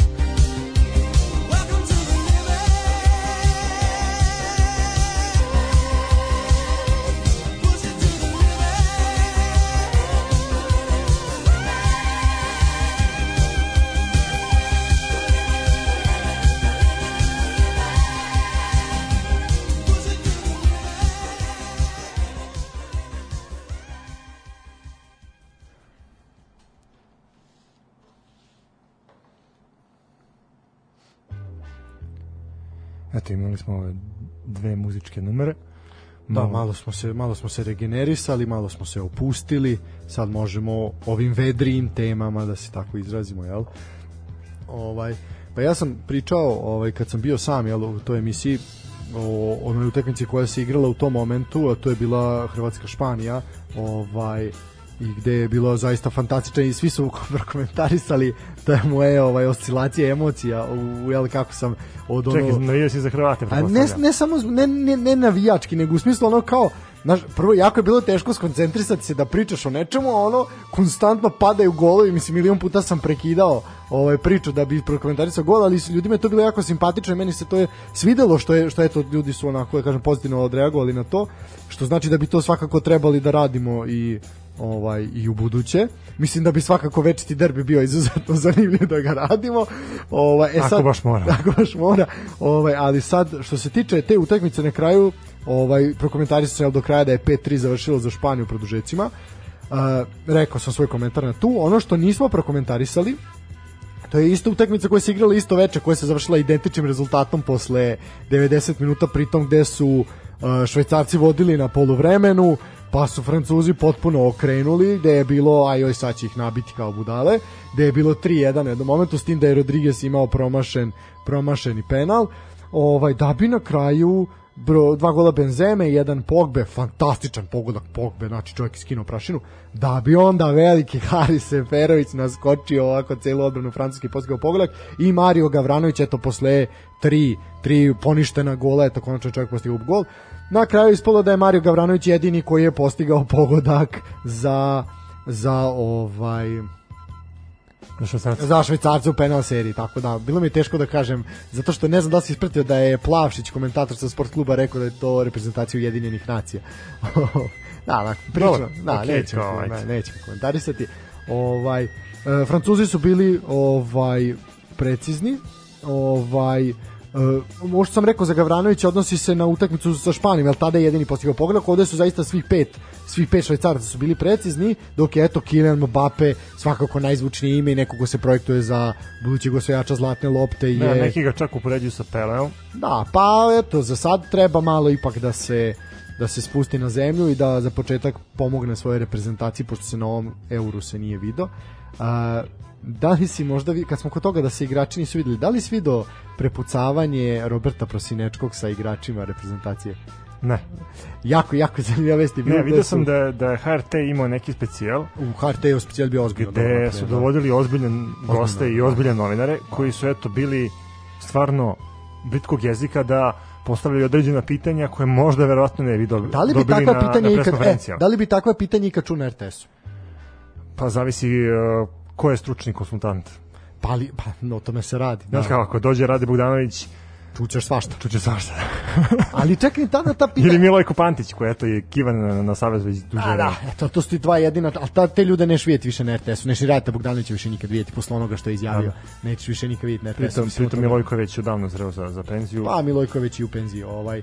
E sad, Jeste u penziji, da, pa, pravo da, si ti, ali da. ono da ga... Pa, da penzija u svakom smislu te reči. Znači, Francuzi su, eto, svakako jedni od prvih favorita za osvajanje, otišli kući već u osmini finala. E, nakon toga usledio je veliki derbi, po sve istorijski derbi futbalski i kako to kreneš, između Engleske i Nemačke. Gde su Englezi pa, bili poprilično slabi, ali ni Nemci nisu bili ništa bolji.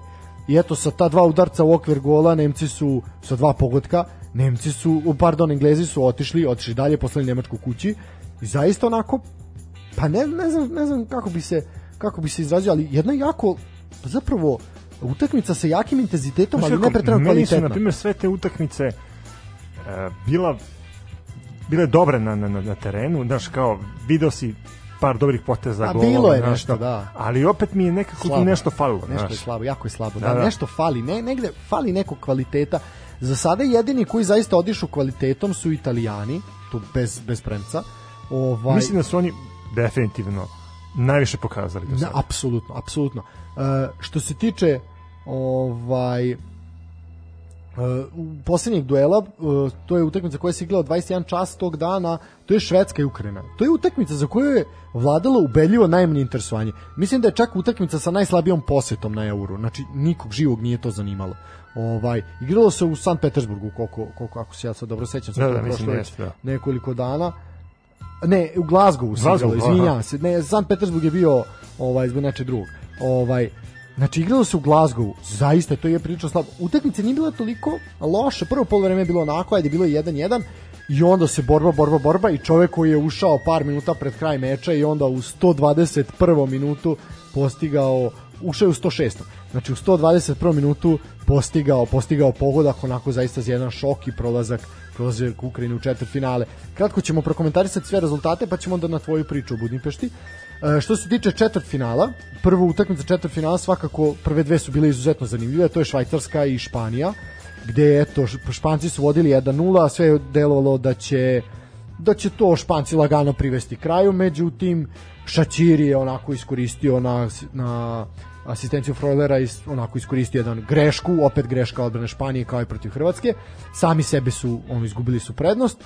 Međutim, ostalo je 1-1, oni su se borili, uh, Freuler je ta, onda dobio crveni karton, znači sa igrače manje, uspeli su zaista da se odbrane i onda uh, Busquets promašuje prvi penal, Gavranović postiže penal, Dani Olmo postiže, naše gore list možemo reći iako igra za Španiju i onda zaista počela tri, tri zaredom vezana promašaja ekipe Švajcarske, jednostavno nije nije moglo dalje. Uh, Rodri je promašio penal za, za Španiju, a Moreno i Orzabal su postigli pogodke. E sad, znaš zbog čega sad ovo pričam? Uh, uh, selektor Petković nije menjao izvođače penala, znači isti ljudi su šutirali kao i u prethodnoj, kao i protiv Francuza, s tim da se u očima videlo, znači Gojko Andrijašević je apsolutno svakom predvideo šta će se desiti. Znači, on je, u očima im se videlo, taj mali Vargas je ušao kao da ide pred streljanje. Znači, tako se osjeća i zato i promašio. Znači, apsolutno po meni ovaj greška, greška, greška selektora trebao je promeniti, zaista nisu bili nisu bili na nivou. Španci su prošli dalje. E, Belgija i Italija. Odlična, odlična utakmica. Italijani apsolutno zasluženo, kao što si sam rekao, najviše su pokazali do sad. Belgija je bila dobra, Lukaku je bio strelac, ovaj u 47 minuta 45 pa plus 2 nadoknade. S tim da je Bonucci u poništen čist go bio je bio je ofsajd u 13. minutu. Pokušavalo se to, međutim, međutim na kraju je zaista ovaj Barella i Insigne su bili bili strelci za Italiju po meni apsolutno apsolutno zasluženo drugo poluvreme bilo poprilično mrtvo eto nije nije se nešto mnogo videlo e dolazimo do tvojih Čeha ovaj Češka Danska jesi pratio Čehe sad nakon ovaj Ispratio sam samo prvo polovreme. Samo prvo polovreme. Pa dobro, da, tu je Danska dominirala u prvom polovremenu. Malo je Patri Ših je ovaj, pokušao da vrati nade, ali to je sve nešto slabo bilo. Znaš kako, Danci su bili... ta utakmica se igrala u Baku, ako se ne varam, je li tako? Jest, da. 16.000 ljudi je pristovalo samo. Mislim, jako težak put i za Dance koji su krenuli iz Kopenhagena i za Čehe koji su bili u Budimpešti ali opet to nije merilo jednostavno da budemo realni, uh, mislim da, da su Danci kvalitetnija ekipa od, od Čeha. Čehsi su bili jedno jako prijatno iznenađenje na ovom prvenstvu, obzirom da su eto uspeli da izbace uh, Holandjane iz, iz daljeg takmičenja. Da. Ali je, kažem, mislim da jednostavno nisu imali uh, snage za, za korak napred. Uh, Pa da, a pritom ovo, ovo sad se dešava sa Danskom, ono što smo i najavili kao mogućnost, a to je da će biti izuzetno motivisani jel, zbog Eriksena, gde i jesu, i zaista onako na, nekako na krilima tog motiva vidi se da je uh, mislim oni igraju dobro, da se mi ne lažemo, ali imaju taj neki motiv i vidi se da su ojačali, ovo ih je podiglo kao ekipu i oni, za njih je sad granica, ono, nebo. U, u njihovim očima sad, zavisno koliko će... Na Pa, vidjet, vidjet ćemo će sad, ipak da. idu Ozbi, sad su idu ozbiljno. na Engleze. Da, da. I opet se igra utakmica u Londonu. Da. Uh, odlično, najavio si Engleze. Ukrajina, Engleska 0-4. Uh, Nema šta. nema šta, jesu, Eng- Englezi su pokazali u toj utakmici silu. jesu, Čini mi se da su se Ukrajinci da su previše respektovali Engleze, mislim da da. da su se povukli Tako je. i jednostavno su pustili Englezima eh, terensku inicijativu. Englezi su to naravno Iskoristili, iskoristili i priveli da su ih više kraju. pritisnuli, ko što i sam kažeš, da su ih više više ovaj pritisnuli, ovaj mislim da bi to drugačije, makar bi se Englezi možda više napatili. Ovako je delovalo previše lagano i nekako imam neki osjećaj, znaš, Englezi čak i te utakmice protiv Nemačke, Nemačka je najzvučniji protivnik protiv kog su oni igrali. Znači, Uh, nekako sve to nešto traljavo, lagano, ništa tu nema sad nisu, ok, ti kad pogledaš rezultat 4-0 ti će nisu njih pregazili, ali to igram čak nije ni tako delovalo. Mislim, ok, jesu bili dominantni, ali ovi nisu Mi kad smo radili specijal, komentarisali smo upravo Engleze i njihove šanse zašto im ljudi predviđaju da mogu daleko da doguraju. Uh, oni su eto bili u grupi sa Škotskom, Hrvatskom i sa Češkom. Tu su se prošetali poprilično lako. Došli su Nemci, Nemce su izbacili, došli su Ukrajinci, Ukrajinci su izbacili. Znači, ako pogledaš od tih ekipa, eto, Hrvati su bili u nekom knockdownu i nisu pružili baš dobar otpor uh, Englezima, uh, ali jedinu pravu utakmicu koju su oni imali je upravo bila ta protiv Nemačke. Da. I gde su Nemci se nisu pojavili na terenu, mislim. Da, gde se Nemci nisu pojavili. Da. Pa koji sad Ukrajinci, mislim, ista je priča. E sad, idu na Megdan Danskoj, koja opet igra dobar futbal, koja ima harmoniju u ekipi i koja će de facto probati da iznenadi favorita na papiru. Da. E, S tim da eto imamo Italija Španija je duel koji se igra sutra.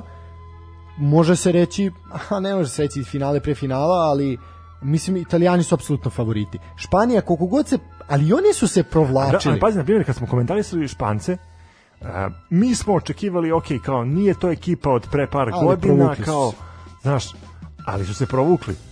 Pritom su... Dva uh, puta na penale. Pa dobro, ali opet imali su i sreću, ali sreća treba Nije se dva puta zasluži. nego na produžetki. izvinite. Dobro, pazi, sreća treba se zasluži. A, pa, apsolutno, ali opet ta Španija, ok, oni budu, imaju period igre, predominantni su. I onda imaju period gde sami sebi uvale Da, dva da, da, gola padnu, na da, da. oči, zaista ono neverovatno. Ali to je ono sve što smo mi videli kao posljedice ove godine i ove sezone, znači to svi imaju takve padove. Kod njih je to izuzetno primetno. Znači, po meni Italija apsolutni favorit, mislim da je i po kladionicama, da, pa izjednačeni su, ali malo, malo, malo veći predsed da Italiji. To je duel koji se igra sutra, taj duel se igra na Wembleyu, sad se sve ostale utakmice do Da. kraja da. igraju na Wembleyu. Uh, u sedmog, znači u ovaj sredu se igra utakmica između Engleske i Danske, u kojoj smo pričali, Englezi su favoriti na papiru. Uh, po meni ne bih se iznenadio ako Danci prođu. Ne bih. Ne vidim ja isto. Da. Jer, kažem, Znaš, Englezi opet gledam jesu, kao, Englezi imaju pokazali. taj pritisak da moraju konačno nešto da naprave na tom euru. Tako Ti je. si rekao, eto, dva puta su bili, uh, bili treći. Treći, da. Treći, de- 96. i 70. i ko je ovo? Uh, da, 70 da, nije. Ovaj, sve, sam ne mislim da je 78. Da, da. Ovaj, eto, dva put su bili treći, uh, domaćini su u polufinalu, ako prođu, opet su domaćini uh, u finalu i pitanje je kako će ekipa da odreaguje na, na taj pritisak koji postoji. A i mislim I- da su oni sad na sedmom nebu. Oni su imali pritisak prve dve, tri utakmice. Prva utakmica je bila zapravo najveći pritisak. Tu se videlo moment kada oni pobeđuju u prvoj utakmici na otvaranju, ta, tu je njima pao, pao ono teret sa srca i pobeda na Škotskom posle toga. E, Tačnije, utakmica sa Škotskom Da. nerešen ishod. Ali uzimanje boda nisu izgubili. Iako su Škoti hteli da ih poraze namerno, jer je to to rivalstvo to je rivalstvo između, da. pa. Znači, uh, tu se videlo to olakšanje i onda su oni krenuli, naš, kao italijani, imali su to tabloidno novinarstvo, ih je nosilo. To, to tabloidno loženje je ne, mač sa dve oštrice. Ali pazi, evo sad, na primjer, dva dana pred utakmicu, ja nisam primetio po engleskim medijima da se baš nešto, a, što bi se na, naš narodu ovaj, reklo žargonski, ide gas. Znači da, da se stvara ovaj da se stvara pritisak, znaš, ono kao da eto kao pišu svi, znaš, skreće loženje, eto na korak smo od finala, kao gazimo dance lagano. Mislim da su i, novinari i cela sportska su javnost shvatili. u, u Engleskoj shvatili da je sad možda trenutak da a, prepuste situaciju da ide svojim tokom. Mislim da je, da je to sad a, jako bitno da ekipa ostane mirna i da eto izađe na teren i pokaže šta zna. Slažem se. E, tako da eto, ajde šta kako ćemo prognozirati ove dve utakmice? Pa ja bih rekao Italija finale. Ajde ja ću da, da navijam za, za Špance. Dobro, ja ću ići Italijani. Dobro, i kontra, kontra tebi i kontra Stefanu, ovaj, pošto je Stefan uh, veliki navijač uh, A ovde Italije. hoćeš ostati privržen Engleskoj? Hoću. Onda ću hoću, Danska. hoću, zato što sam ja Engleze već video u nekim svojim prognozama. Ja mislim da Italija Danska finalu- realno finale, ali ajde dobro. Tako da, ajde. Mislim, ni, čak vidi, Italija, Engleska, to je, to je futbalski klasik. Znači, apsolutno nema šta i to je utakmica koja će biti fantastična.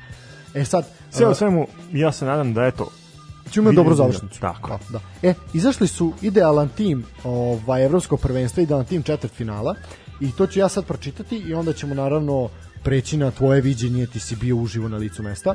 Znači, ovako ćemo pročitati, znači Donnarumma ovaj, iz Italije na golu, mislim da to bez, bez ovaj razmišljanja. Spinazzola, znači isto na, u, u odbrani, uh, Mele, Joachim Mele iz Danske, uh, John, uh, Stones i Maguire iz Engleske ovaj takođe čine odbranu, zatim Henderson takođe Engleska, Ma Marko Verratti iz Italije, takođe se slažem, Kevin De Bruyne Belgija, Lorenzo Insigne Italija, Patrick Ših Češka. I Harry Kane Engleska.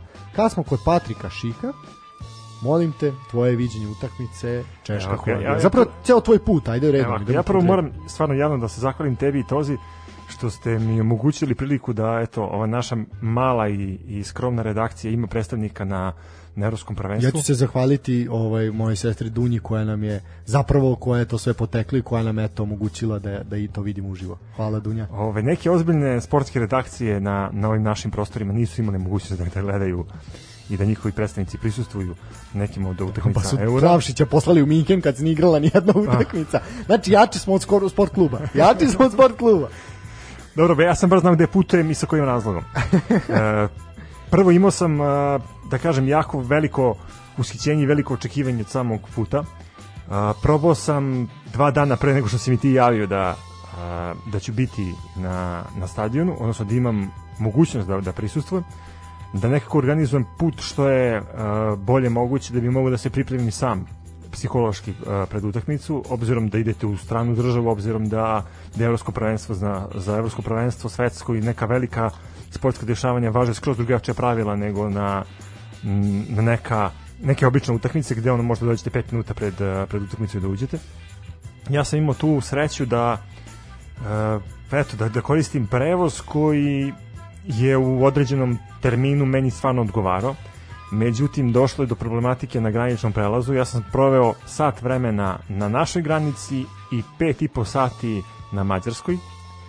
A, u momentima kada čekate i kada vam minuti i sati prolaze, a vi dalje stojite u mestu, a, svašta mi je padalo na pamet, od toga da izađem iz autobusa, da krenem da stopiram po mađarskim putevima, do toga da sam gledao ljude koji eventualno prolaze pa idu za, za Beč, da zamolim njih ako mogu da me ostave negde ovaj, na, na autoputu, pa opet da, da hvatam neki alternativni prevoz ka, ka Budimpešti. Sve u svemu ja sam na kraju uspeo nekako da, da dođem u Budimpeštu 20 minuta pre početak utakmice i u momentima kada sam onako a, nervozan izletao iz autobusa i krenuo da trčem do, do prve neke a, metro stanice, ja sam naletao na čoveka iz Holandije koji se zove Roland i koga ovom putem pozdravljam, mada ne verujem da će išta razumeti ovome što ti ja pričamo. Sve u svemu, čovjek imao na sebi dres holandske reprezentacije i ja sam pretpostavio da on ide na stadion. Ja sam ga pitao da li ide, on kaže daj da kasni i da čeka taksi. I ja sam ga zamolio ako možemo da, da podelimo taksi i objasnio mu svoju situaciju i onda rekao kao pa dobro kao ajde kao uđi ti kao idemo zajedno. Mi smo došli ispred stadiona, ja sam uspeo da uđem i tačno u 6.02, to se sećam jer sam, jer je bio drugi minut kada sam pogledao na semafor, uspeo sam da uđem na stadion. A, stadion je bio popunjen do poslednjeg mesta, mnogo navijača, nekako mi je sve to delovalo nestvarno, jer u momentima kada čekate na graničnom prelazu sve vam to deluje nestvarno i nemoguće. Čekao na granici, Pa rekao? evo rekao sam, znači No, četiri, sat da. vremena na, na srpskoj i pet i po sati na, na mađarskoj. to sam mogao jedno, pa dva puta da dođem do, do, do Budimpešta sam išao kolima. Uh, sve u svemu, eto, uh, trebalo mi je nekih dodatnih 15 minuta da, da pronađem sektor uh, gde se E, ajde da, nalazim. ajde što se tiče organizacije, kako izgledao ulazak na stadion i uopšte taj ovako, raspored po znači, sektoru. ulazak na stadion je delovao tako što sam ja prvo stao u red da dobijem uh, narukvicu. Narukvica koja je označavala da sam ja pogodan da prisustvujem utakmici. Znači da uh, nisam, Podoban. pa podoban jeste, znači da ne mogu da, da, da zarazim drugi ljudi. Dosta možda i mogu, ali uh, sve u svemu uh, prošao sam tu bezbednostnu kontrolu, dobio tu narukvicu i onda sam išao na dalji punkt koji mi je ovaj koji me usmeravao ka stadionu. A, prošao sam taj znači drugi punkt koji je a, bio vezan za a, bezbednostnu kontrolu. A, tu sam prošao super sa mojim rancem koji evo danas sam dobio a, od druga koji će prisustovati polufinalnoj utakmici na Wembley dobio sam a, sliku i to bi mogli da podelimo sa, sa našim slušalcima na Instagramu i Facebook stranici a, koje su dimenzije a, ručnih a, prtljaga ili torbi koje možete da unesete. A, ja mislim da bi svaka devojka i žena odustala od odlaska na euro kada bude video to Uh, eto, ja sam imao tu sreću da sam prošao to lagano, odnosno da čovjek koji me pretresao nije bio inter, interesantan da Uh, da, poka da ne interesantno da da pokaže uh, da hoće da me dodatno ovaj pregleda. Sve sam to sam prošao. Došao sam do treće kapije koja mi je bila ulaz na stadion gde sam očito svoju elektronsku kartu. Uh, i na kraju eto uh, ušao da uđem na, na stadion. Ono što mi je jako bilo u tom trenutku nezamislivo jeste kako ja da dođem do tog mog sektora. I mnogo sam lutao stadionu što mi u neku ruku i pričinjavalo zadovoljstvo jer imao sam priliku da budem i među češkim navijačima i među holandskim i bio sam na vrhu tribine pa sam na kraju došao do tog mog sektora. Inače moj sektor je bio smešten tačno iza klupe češke reprezentacije. Na moje osobito zadovoljstvo pošto gajim simpatije prema prema tom narodu zbog eto iz, iz parte za koju navijam Uh, I eto, uh, krenuo sam da pratim utakmicu, uh, mogu da kažem da je stvarno jako dobar osjećaj kada imate mogućnost da pratite euro uživo. Uh, pritom je utakmica bila stvarno dobra. Da, izuzetno dobro, da. Uh, I eto, meni je drago što je Češka uspela da, da prođe. Uh, postigli su dva gola, mogli su i treći. Uh, na kraju, eto, uh, Holandija je ispala. E, ono što je meni bilo posle toga poprilično interesantno, i to je ono kao, znate, a, drugi se smeju vama i to je bio moment kada je Mitrović promašio penal protiv Škotske, pa se veći deo evropske sportske javnosti smejao nama kao favoritima, e tako sam ja mogu da se smejem holandjanima i hvatao sam neke kadrove uh, oko stadiona holandjana koji su bili poprilično razočarani igrom svoje reprezentacije. Bilo je to suza bilo je uh, besa, bilo je nervoze. Neki su čak probali da se uh, obračunaju sa nekim češkim navijačima koji su eto prolazili tu imali obeležja češke reprezentacije. A, ono što moram da pohvalim je to da sam uspio da vidim a, incident na tribini.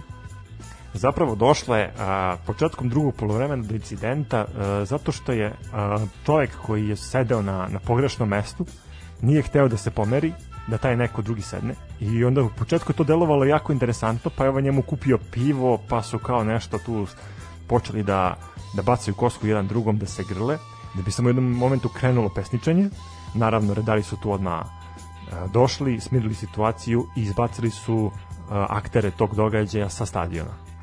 Tako da to prošlo ovaj neopaženo za one koji su bili malo dalje od tog mesta, ali meni je to bilo interesantno. E, bilo je dosta Mađara na, na stadionu i u nekim momentima kada eto Česi i Holandjani nisu navijeli a, mogli smo da čuvimo povike upućene na mađarskoj reprezentaciji. To je bilo krajnje simpatično jer pretpostavljam da a, nema tolikog upliva, da kažem, čeških i, i holandskih navijača, ipak su tu a, Mađari bili domaćini. E da, što smo kod mađarskog domaćinstva, dok ti malo odmoriš, ovaj, dobro ti si pristuo u utakmici jeste u Budimpešti, ali je bila između Češke i Holandije ovaj, za onako ima oni koji nisu shvatili, dok on malo osveži grlo, ja ću samo da, na jednu stvar koju sam ja primetio, a, a to je da, mislim, svi smo znali da stadion u Budimpešti je jedini stadion koji je puštao pun kapacitet, ovaj, Tačno tako. Da, znači jedini koji su imali ono 60 plus hiljada ljudi, ovaj, na svim utakmicama i zaista je ta Mislim da sam tu imao sreću, znaš, da, da, da gledam utakmicu da, gde je ceo stadion da, da. popunjen. Tako je. ne znam, e sad, drugi, drugi, što... drugi gradovi domaćini su imali smanjen broj uh, puštenih karata i ali čak i, i, tu je bila dobra atmosfera, da, ali ovde je bila atmosfera. posebno dobra. Ali ono što sam ja ovaj primetio je nešto što baš i nije nije za pohvalu, a primetio sam dosta uh, neonacističkih i neofašističkih i parola od strane mađarskih navijača, a i transparenata. Uh, i to u više navrata i više utak na više na, zapravo na svim utakmicama ali više navrata tokom je nekih utakmica se pokazivala i isticala zastava velike mađarske što mislim da izuzetno nije u redu i to mi jako nije mesto na evropskom prvenstvu. To mi nije mesto ni u seoskoj ligi a kamoli u na evropskom prvenstvu. Uh, mislim svima jasno, znamo šta predstavlja Velika Mađarska, to granice Kraljevine Ugarske, jel, koje je bila deo Austro-Ugarske monarhije, ovaj i pripada u tom u tom ovaj sklopu pripada i naravno i Vojvodina i deo deo Hrvatske, jel? Ovaj tako da to je deo Rumunije između ostalog. I deo Rumunije, tako je. Zli jezik će reći sve ono tamo gde Orban sad ima klubove. Ovaj ta, ta ideja velike Mađarske je naravno živela je u toj fašističkoj ma Mađarskoj dok je njihov ono, diktator bio Mikloš Horti i zaista, zaista mislim da tome jako nije bilo mesto i da je tu trebao neko da reaguje ali nažalost nije reagovao niko i nije reagovao niko zato što je takva politička klima u Mađarskoj gde se to zapravo Tako podržava. Tu, tu se slažem sa tobom. Evo, pogledaj na primjer situaciju i vrati vreme na svetsko prvenstvo u Rusiji 2018. godine. Uh -huh. A, FIFA je tada izdala proglas gde su svi redari morali da znaju i dobili brošuru sa obeležima nekih neonacističkih ili bilo kakvih drugih uh, uh, formacija uh, koje su zabranjene. Znači koje UEFA zvanično zabranila i oni su tako morali da deluju, gde su na primjer videli ljude koji su, ne znam, ili kačili zastave ili nosili ta obeležja i ovaj zamolili ih da, da to ne rade ili izbacivali sa stadiona. Eto, ti kažeš za, za Mađare, stvarno meni, kažem ti opet, ja, ja se vraćam na tog momka koji je mene pretresao, on nije pokazivao nikakvu zainteresovanost da, da dobavi pretres do kraja i eto ja sam mogu da uđem sa rancem koji je premašivao tu neku dozvoljenu kilažu i visinu koju UEFA prepisala. A kaži mi kako je funkcionisalo za testove i za to, za koronu? Jer tu uopšte neko nešto pitao, kontrolisao ili to niko nije ni gledao? Ja kad sam došao prvo na taj prvi pult, ovaj, ja sam njima dao potvrdu da da imam ule, uredno testiran, da, da sam vakcinisan. Ovaj, ja, to je ova on, digital zelena i taj da, da, da. Oni su pogledali, pošto su uh, dobili uh, spisak uh, zemalja koje su na toj zelenoj listi, i koje su na crvenoj. I onda te gledaju prvo po, po pasošu, pošto predaješ pasoš kao dokument, i onda kreće taj proces a, pregleda tih papira i kad se to ustanovi da sve ok. Koliko to traje prilike? Pa to traje minut. minut znači brzo ide. Da, brzo to ide. Da, ali je red bio dugačak tako da se poprilično čekalo na, na, na to. Ti dobijaš narokvicu i onda ideš dalje. I kažem, opet, a, tri punkta moraš da prođeš da bi, da bi ušao na stadion. Pa dobro, mislim zaista onako zanimljivo. E, bilo ovaj- mi interesantno još, znaš kao video sam uh, dosta stranaca, uh, bili su Japanci, Kinezi, ja sam mislio na momentu da sam video Takuma Sana. ja, mislim kao, znaš, svi Kinezi i Japanci su mi kao slični jedni. Ovaj. Joj kazniće nas neko za ovo. Neka pa neka. Ovo ko odbojka, odbojkašica. A da, kod da, da, zato sam da, to da, i, da. i spomenuo. Ovaj, a kaži mi, ovaj, da, sad ok, ajde sam, sam utakmice i to sve. A, kako ti, ti si u Budimpešti se zadržao još dva dana, je li tako? Tri. Nakon, da. Kako imao, ti... imao sam prilike da obiđem uh, futbolski klub Ferenc Varoš i to se posebno zahvaljujem mom prijatelju koji je pre toga, da, da, doći ćemo do toga. Pre da, toga da, da pitanje, poseta. Kako ti je delovala Budimpešta kao ono... Kao grad domaćin. Kao grad domaćin, da. Bilo te neke karnevalske atmosfere? Jeste. Jeste. Bilo znači, na, na, na velikim trgovima, evo, na primjer, na trgu Heroja, uh, je bio poseban uh, poligon gde su ljudi mogli da prate evropsko prvenstvo, pa su tu bile neke nagradne igre, delile se lopte, majice, pa je bilo, bili su i golovi, pa su ljudi mogli da igraju futbal, bilo je, na primjer, situacije gde su igrali i društvene igre, znaš. Ceo grad je bio ovaj, bojama eura i nekako mi se činilo da je onako baš poprilično karnevalarska atmosfera mislim kako će biti kod nas ove nedelje obzirom da, da dolazi Zato, zato sam ti pitao, da. Ovaj, Znaš, u pojedinim momentima kada sam uh, gledao navijače koji su tu došli, uh, stvarno mi je to ličilo na, na karnevalski futbol, ali to je valjda draž uh, evropskih i svetskih prvenstava. Uh, jednostavno, skroz drugačije kada vi bodrite nacionalnu selekciju, a drugačije kada bodrite klub na strani. Da. A, ajde sad ovaj na primjer eto izvinite što te da. prekidam ovaj ono što meni isto bilo interesantno eto video sam navijače uh, bugarskog levskog koji su došli u obeležima svog kluba znači svako od njih je imao dres svog kluba njih 15 je bilo prisutno na euru i eto oni su tu došli da se zabave da da provedu vreme i, i između ostalog da pogledaju futbol. Da, Levski koji smo spominjali, ovaj koji je to za najavio da će... Ja sam mislio isto to da me prati, znaš, kao neka karma. da je to, Ovaj- to zabacio neke čini. To da je bacio čini. Ovaj, a kaži mi, Pošto kada nam je, pošto je pretio Da. sa tim Levskim. A poseta klubu? Poseta klubu e, se sasvim slučajno desila, ja sam sa tim mojim prijateljem trebao da se, da se vidim, međutim on to nije mogao da iskombinuje zbog svojih privatnih obaveza i onda mi je rekao da, da bi bilo najbolje da odem i da mi je zakazao posetu Ferenc Varošu. Ja sam otišao na njihov stadion i stvarno su me e, domaćinski primili. Imao sam priliku da obiđem e, muzej, imao sam priliku da, da pogledam kakav im je stadion, ta Grupami arena ili NEP stadion kako ga oni zovu pošto je blizu ovaj e, autobuske stanice Nepliget. Stvarno stadion koji je novijeg datuma i jedno odlično futbalsko zdanje. Pokazali su mi trening centar.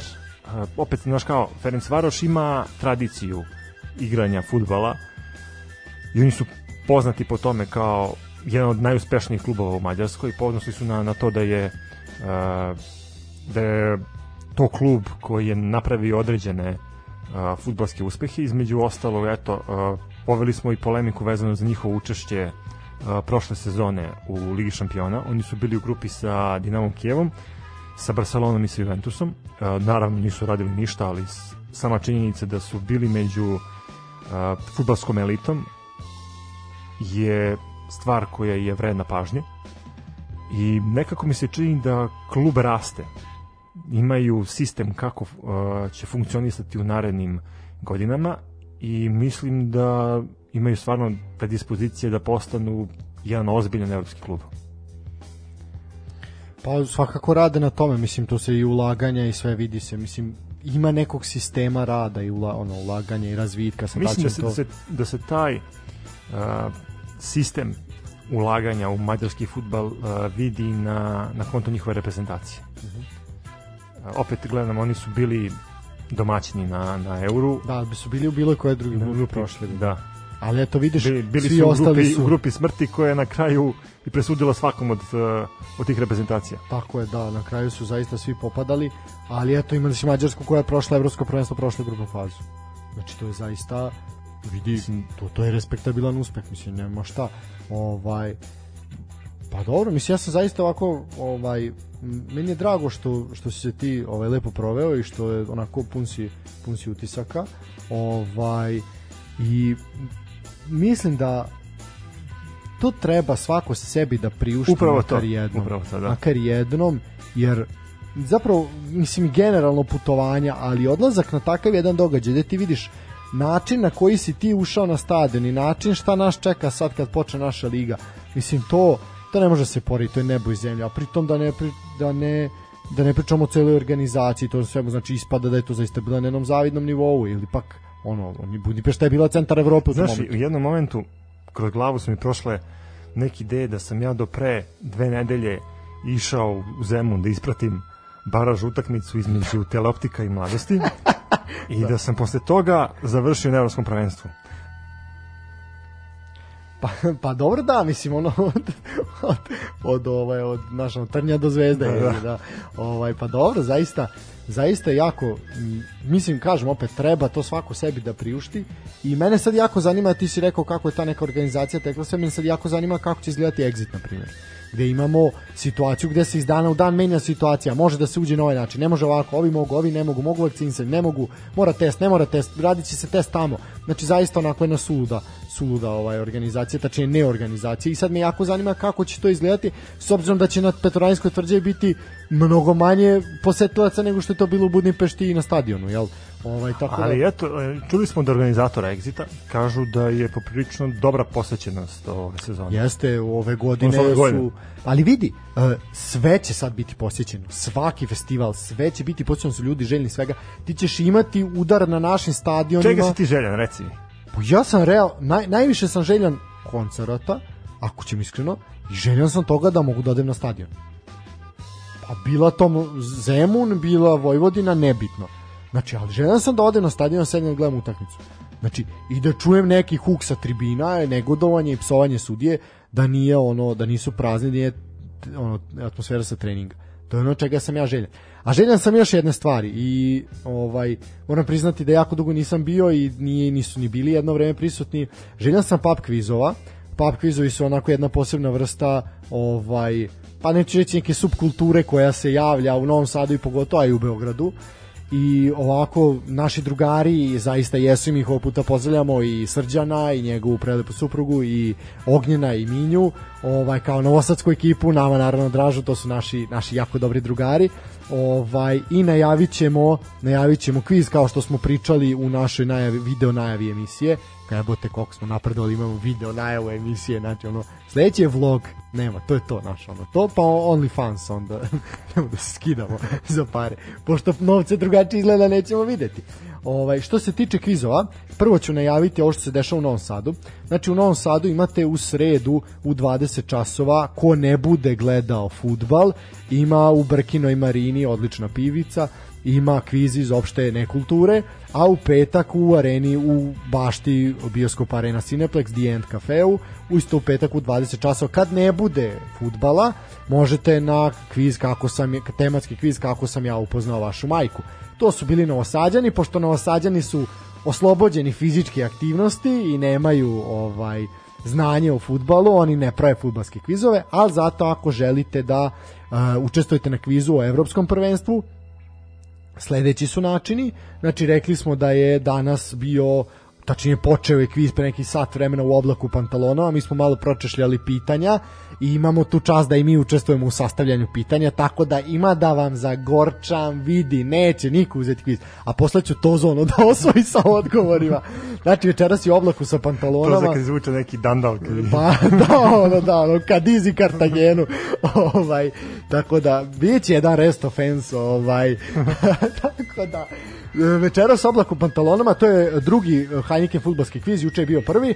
Sutra je u Pivo i Kobaja Garden od 19 časova ovaj će biti biti kviz, znači ja imam ovde vreme od 19 časova, sad dalje to tako ili nije, to ćemo videti, ali eto, sutra, sutra, da, ipak, tako je, tako stoji, sad eto, ako, je, ako ja grešim, ispravit će me, Pivo i Kobaja Garden, mada koliko ja vidim ovde, kviz je rasprodat, što bi rekli, znači maksimalan broj učesnika, tako da ko nije uspeo na pivo i kobaja da stigne, može na online kviz, znači online kviz uh, bit će u sredu, za više informacija na pubquiz.rs na Facebooku, Instagramu ovaj, možete pronaći. Uh, vrlo jednostavno preko aplikacije Kahoot ćete učestovati u kvizu i davati odgovore, naravno možete se ovaj prijaviti neku zanimljivu ime ekipe stavite. Naravno biće nagrada. Heineken je sponsor Heineken bi mogao da spozoriše još nekog ovde, ima neko ko isto priča o futbalu, draga mu je ta petokraka zvezda. Da, I pije to pije. Neko između ostalog ko pije, mada piju i ovi ovaj. Da, oni ne srču mikrofon, ali otvaraju pivo na mikrofon, tako da gori smo, gori smo od njih. Tako da eto Heineken, Heineken futbalski kviz, ovaj ko je ko je zainteresovan neka se Da, evo, znači u sredu od 19 časova, dobro sam bio rekao, znači Srđan, Srđan i Ana će praviti kviz, tako da eto, slobodno, već od 18.45 na linku na YouTube-u ćete moći da počnete da se prijavljujete. Ništa puno sreće, mi ćemo napraviti pitanja, pa ćemo i učestvovati, možda nešto i uzmemo, zašto da ne, ono, da se iskoristimo, makar dobijemo piju, kad već pare nećemo dobiti. Tako da eto, puno pozdrava za naše drugare sa pub kviza, uskoro se vidimo na kvizu da uzmemo trofej, naša ekipa jedna od trofejnih, jedna od trofejnih da se upiše septička varka, tamo kida i gazi. Znaš da sam više puta za dobio batina na kvizu. ovaj. A to ti kao izlet na stadion. Pa, Srpski prilike, stadion. Pa da, ono što ono kad je znači, ono sportski dobiješ da. batine od drugih navijača i dobiješ od svojih, od svojih da. ili dobiješ od Murije. Pa do sad nije policija intervenisala još uvek, ali bilo je, ali bilo je svega. Tako da eto, zapratite pubquiz.rs, a mi idemo na jednu pesmicu, pa ćemo se odjavljivati može, polako. Može.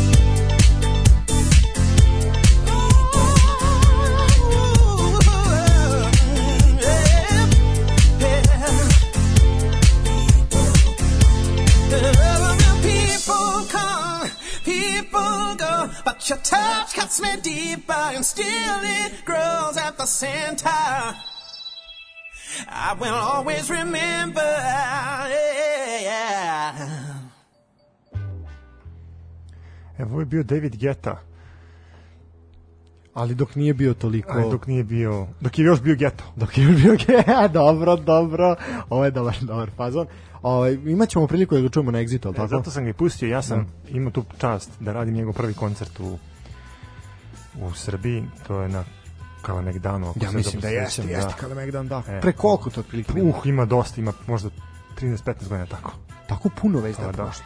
Pa dobro Pa da, da, posle Exitu- toga i on došao još ohoho Pa puta. na Exitu već koliko, šesti Pa put da, već, ono, mislim, imao da. je koncert u areni, ja mislim još jedan imao ne, ili dva u areni, tako. Sve o svemu, Znači, prošlo David je, Geta je zaslužio da dobije srpski pasoš. pa sigurno, mislim, ko je sve dobio i da, ovaj, zaslužili su. A, ništa, eto, vidjet ćemo ga na, na Exitu Tako posle jel tako? Mm, mislim da da. Mislim da da, mada ne, nisam line-up sad napam, zapamtio ovaj napamet, tako da ne znam. Uh, ono što bih ja sad skrenuo pažnju ovaj ovih preostalih 10-15 minuta koliko nam je ostalo, uh, to je jedna vest koju sam onako slučajno kričkom oka juče zakačio, ja sam nju podelio i na Twitteru i na, i na Instagramu i na Facebooku. Uh, a to je mislim sasvim onako za nas nešto i da kažem i nebitno nešto nas puno i ne tangira. Ovaj, ali evo Bosna i Hercegovina je osvajač zlatne lige u sedećoj odbojci. E sad sedeća odbojka je za one koji ne znaju pandan redovnoj odbojci na paraolimpijadi to je u tim ovaj, takmičenjima za ljude sa invaliditetom i hendikepom ovaj, i zaista Uh, ja sam gledao, prisustvovao sam par puta na utakmici sedeće odbojke, ona je izuzetno popularna u Bosni. Ovaj i ima jako puno klubova i udruženja koji se na taj način druže i praktikuju eto neki neki ovaj taj moment razvijanja ne, nekog socijalnog momenta i i svega ostalog ono, osjećaja za društvo. Uh, i mislim ti ja vrlo dobro znamo koliko je teško baviti se sportom i koliko je koliko je potrebno odricanja, napora, truda, znoja, krvi da bi se bavili, pa čak i amaterski sportom, da ne kažem i rekreativno. A da biste se bavili profesionalno sportom, vam je potrebno da život posvetite tome, da zapostavite školu, prijatelje, sve te neke slatke slatke ovaj stvari koje privlače pogotovo kad ste mladi. Ovaj zbog čega onda imamo to što imamo kupovinu brzih kola, starlete i tako dalje. A, Silikonske doline. A baviti se sportom i pritom još na Balkanu, a da je to da ste paraolimpijac, da ste neko ko se takmiči u nekoj disciplini koja je za osobe sa invaliditetom. A, ta količina tih te energije, te volje i te želje koju ti ljudi imaju da se bave sportom uprko svom zdravstvenom stanju, a, to je zaista zaista za respekt I za veliko poštovanje. i za veliko poštovanje i više bi trebalo da se priča o tome i tužno je što su takvi ljudi margi, marginalizovani tužno je što, pogotovo kod nas na Balkanu tužno je što je paraolimpijada mar, marginalizovana da se mi ne lažemo, znači ona, ona se odvija nakon ove redovne i bude jako slabo medijski ispraćena Uh, mislim da to zaista nije u redu. Uh, kapa dole, pogotovo što znamo u kakvoj situaciji se nalazi sport u Bosni i Hercegovini. Mislim, ništa bolje nije nego kod nas. To je manje više to. Ovaj, tako da, zaista, zaista ovim momcima ne kapa dole, naklon do poda, zaista svaka čast prvo obradovali ste prvo svaka čast vama na uspehu, to je prvo vaš uspeh, pa onda i uspeh Bosne i Hercegovine, ali uspeh svih naših, mislim kao ono pričali smo o toj Švajcarskoj koja je to sastavljena od naših ljudi manje više.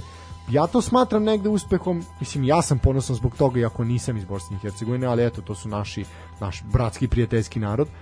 I mislim da zaista treba da se malo ono zastanite na ulici, pogledajte malo, pogledajte koliko je za primjer nepristupačno prići stadionu ako ste u invalidskim kolicima, prići pozorištu, tim da, bioskopu. da uđeš u zgradu, postoje Da, zgrade koje nemaju zgradu, da. nemaju A gde je bavljenje da. sporta? Da, gde je bavljenje sporta? Da, pa mislim zaista je jako jako, jako teško. Mislim, ili ono stave kosinu ono pod 80 stepeni, razumeš, ne može se popet, nema šanse.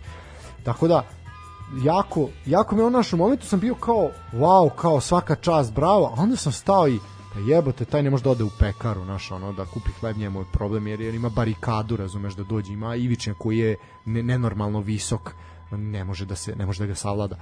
To je, Ali opet možda ne može savlada taj Ivićnjaka, ali zato može savlada svog protivnika. A zato može da bude da osvoji zlatnu medalju, Tako tako, je. je. Još prilika, ta slika koju sam ja objavio, onako još i uh, nekako još posebno budi neku emociju za koju nisam siguran da mogu da identifikujem, a to je gde oni sede na klupi i dogovaraju se jel na ono neki time out, a skinuli su svoje proteze i sklonili u stranu, ovaj pretpostavljam si video. Da, da, da, da, da, naravno, ispratio sam to. Ovaj, Znači zaista, zaista to onako izgleda još strašnije u jednu ruku, ali zapravo se pokazuje koliki je zapravo uspeh samo baviti se sportom, a onda još i biti najbolji u svemu tome. Momcima kapa do poda, tebi hvala što si se vratio, hvala što me nisi ostavio samog ovaj put, hvala svima na komentarima za ono što sam ja uradio sam, ispalo je da je bilo dobro i da, je, da su ljudi bili zadovoljni. Hvala Bili što kači na YouTube, hvala Dunji što je tebi omogućila karte, to još Da, jedan put. hvala Dunja, Hvala hvala. Pub kvizu, nadamo se da će moći i Heinikenu da se zahvalimo. Uh, reći ću samo Paypal i Patreon, na svakom, ispod svakog YouTube videa imate linkove, tako da dok niste počeli da plaćate račune, sad je legla plata, ako ima šta da kane, neka kane, toliko od mene, ljudi, uživajte, čujemo se uskoro. Još jednom hvala vam na pažnji, do sledećeg slušanja, sportski pozdrav.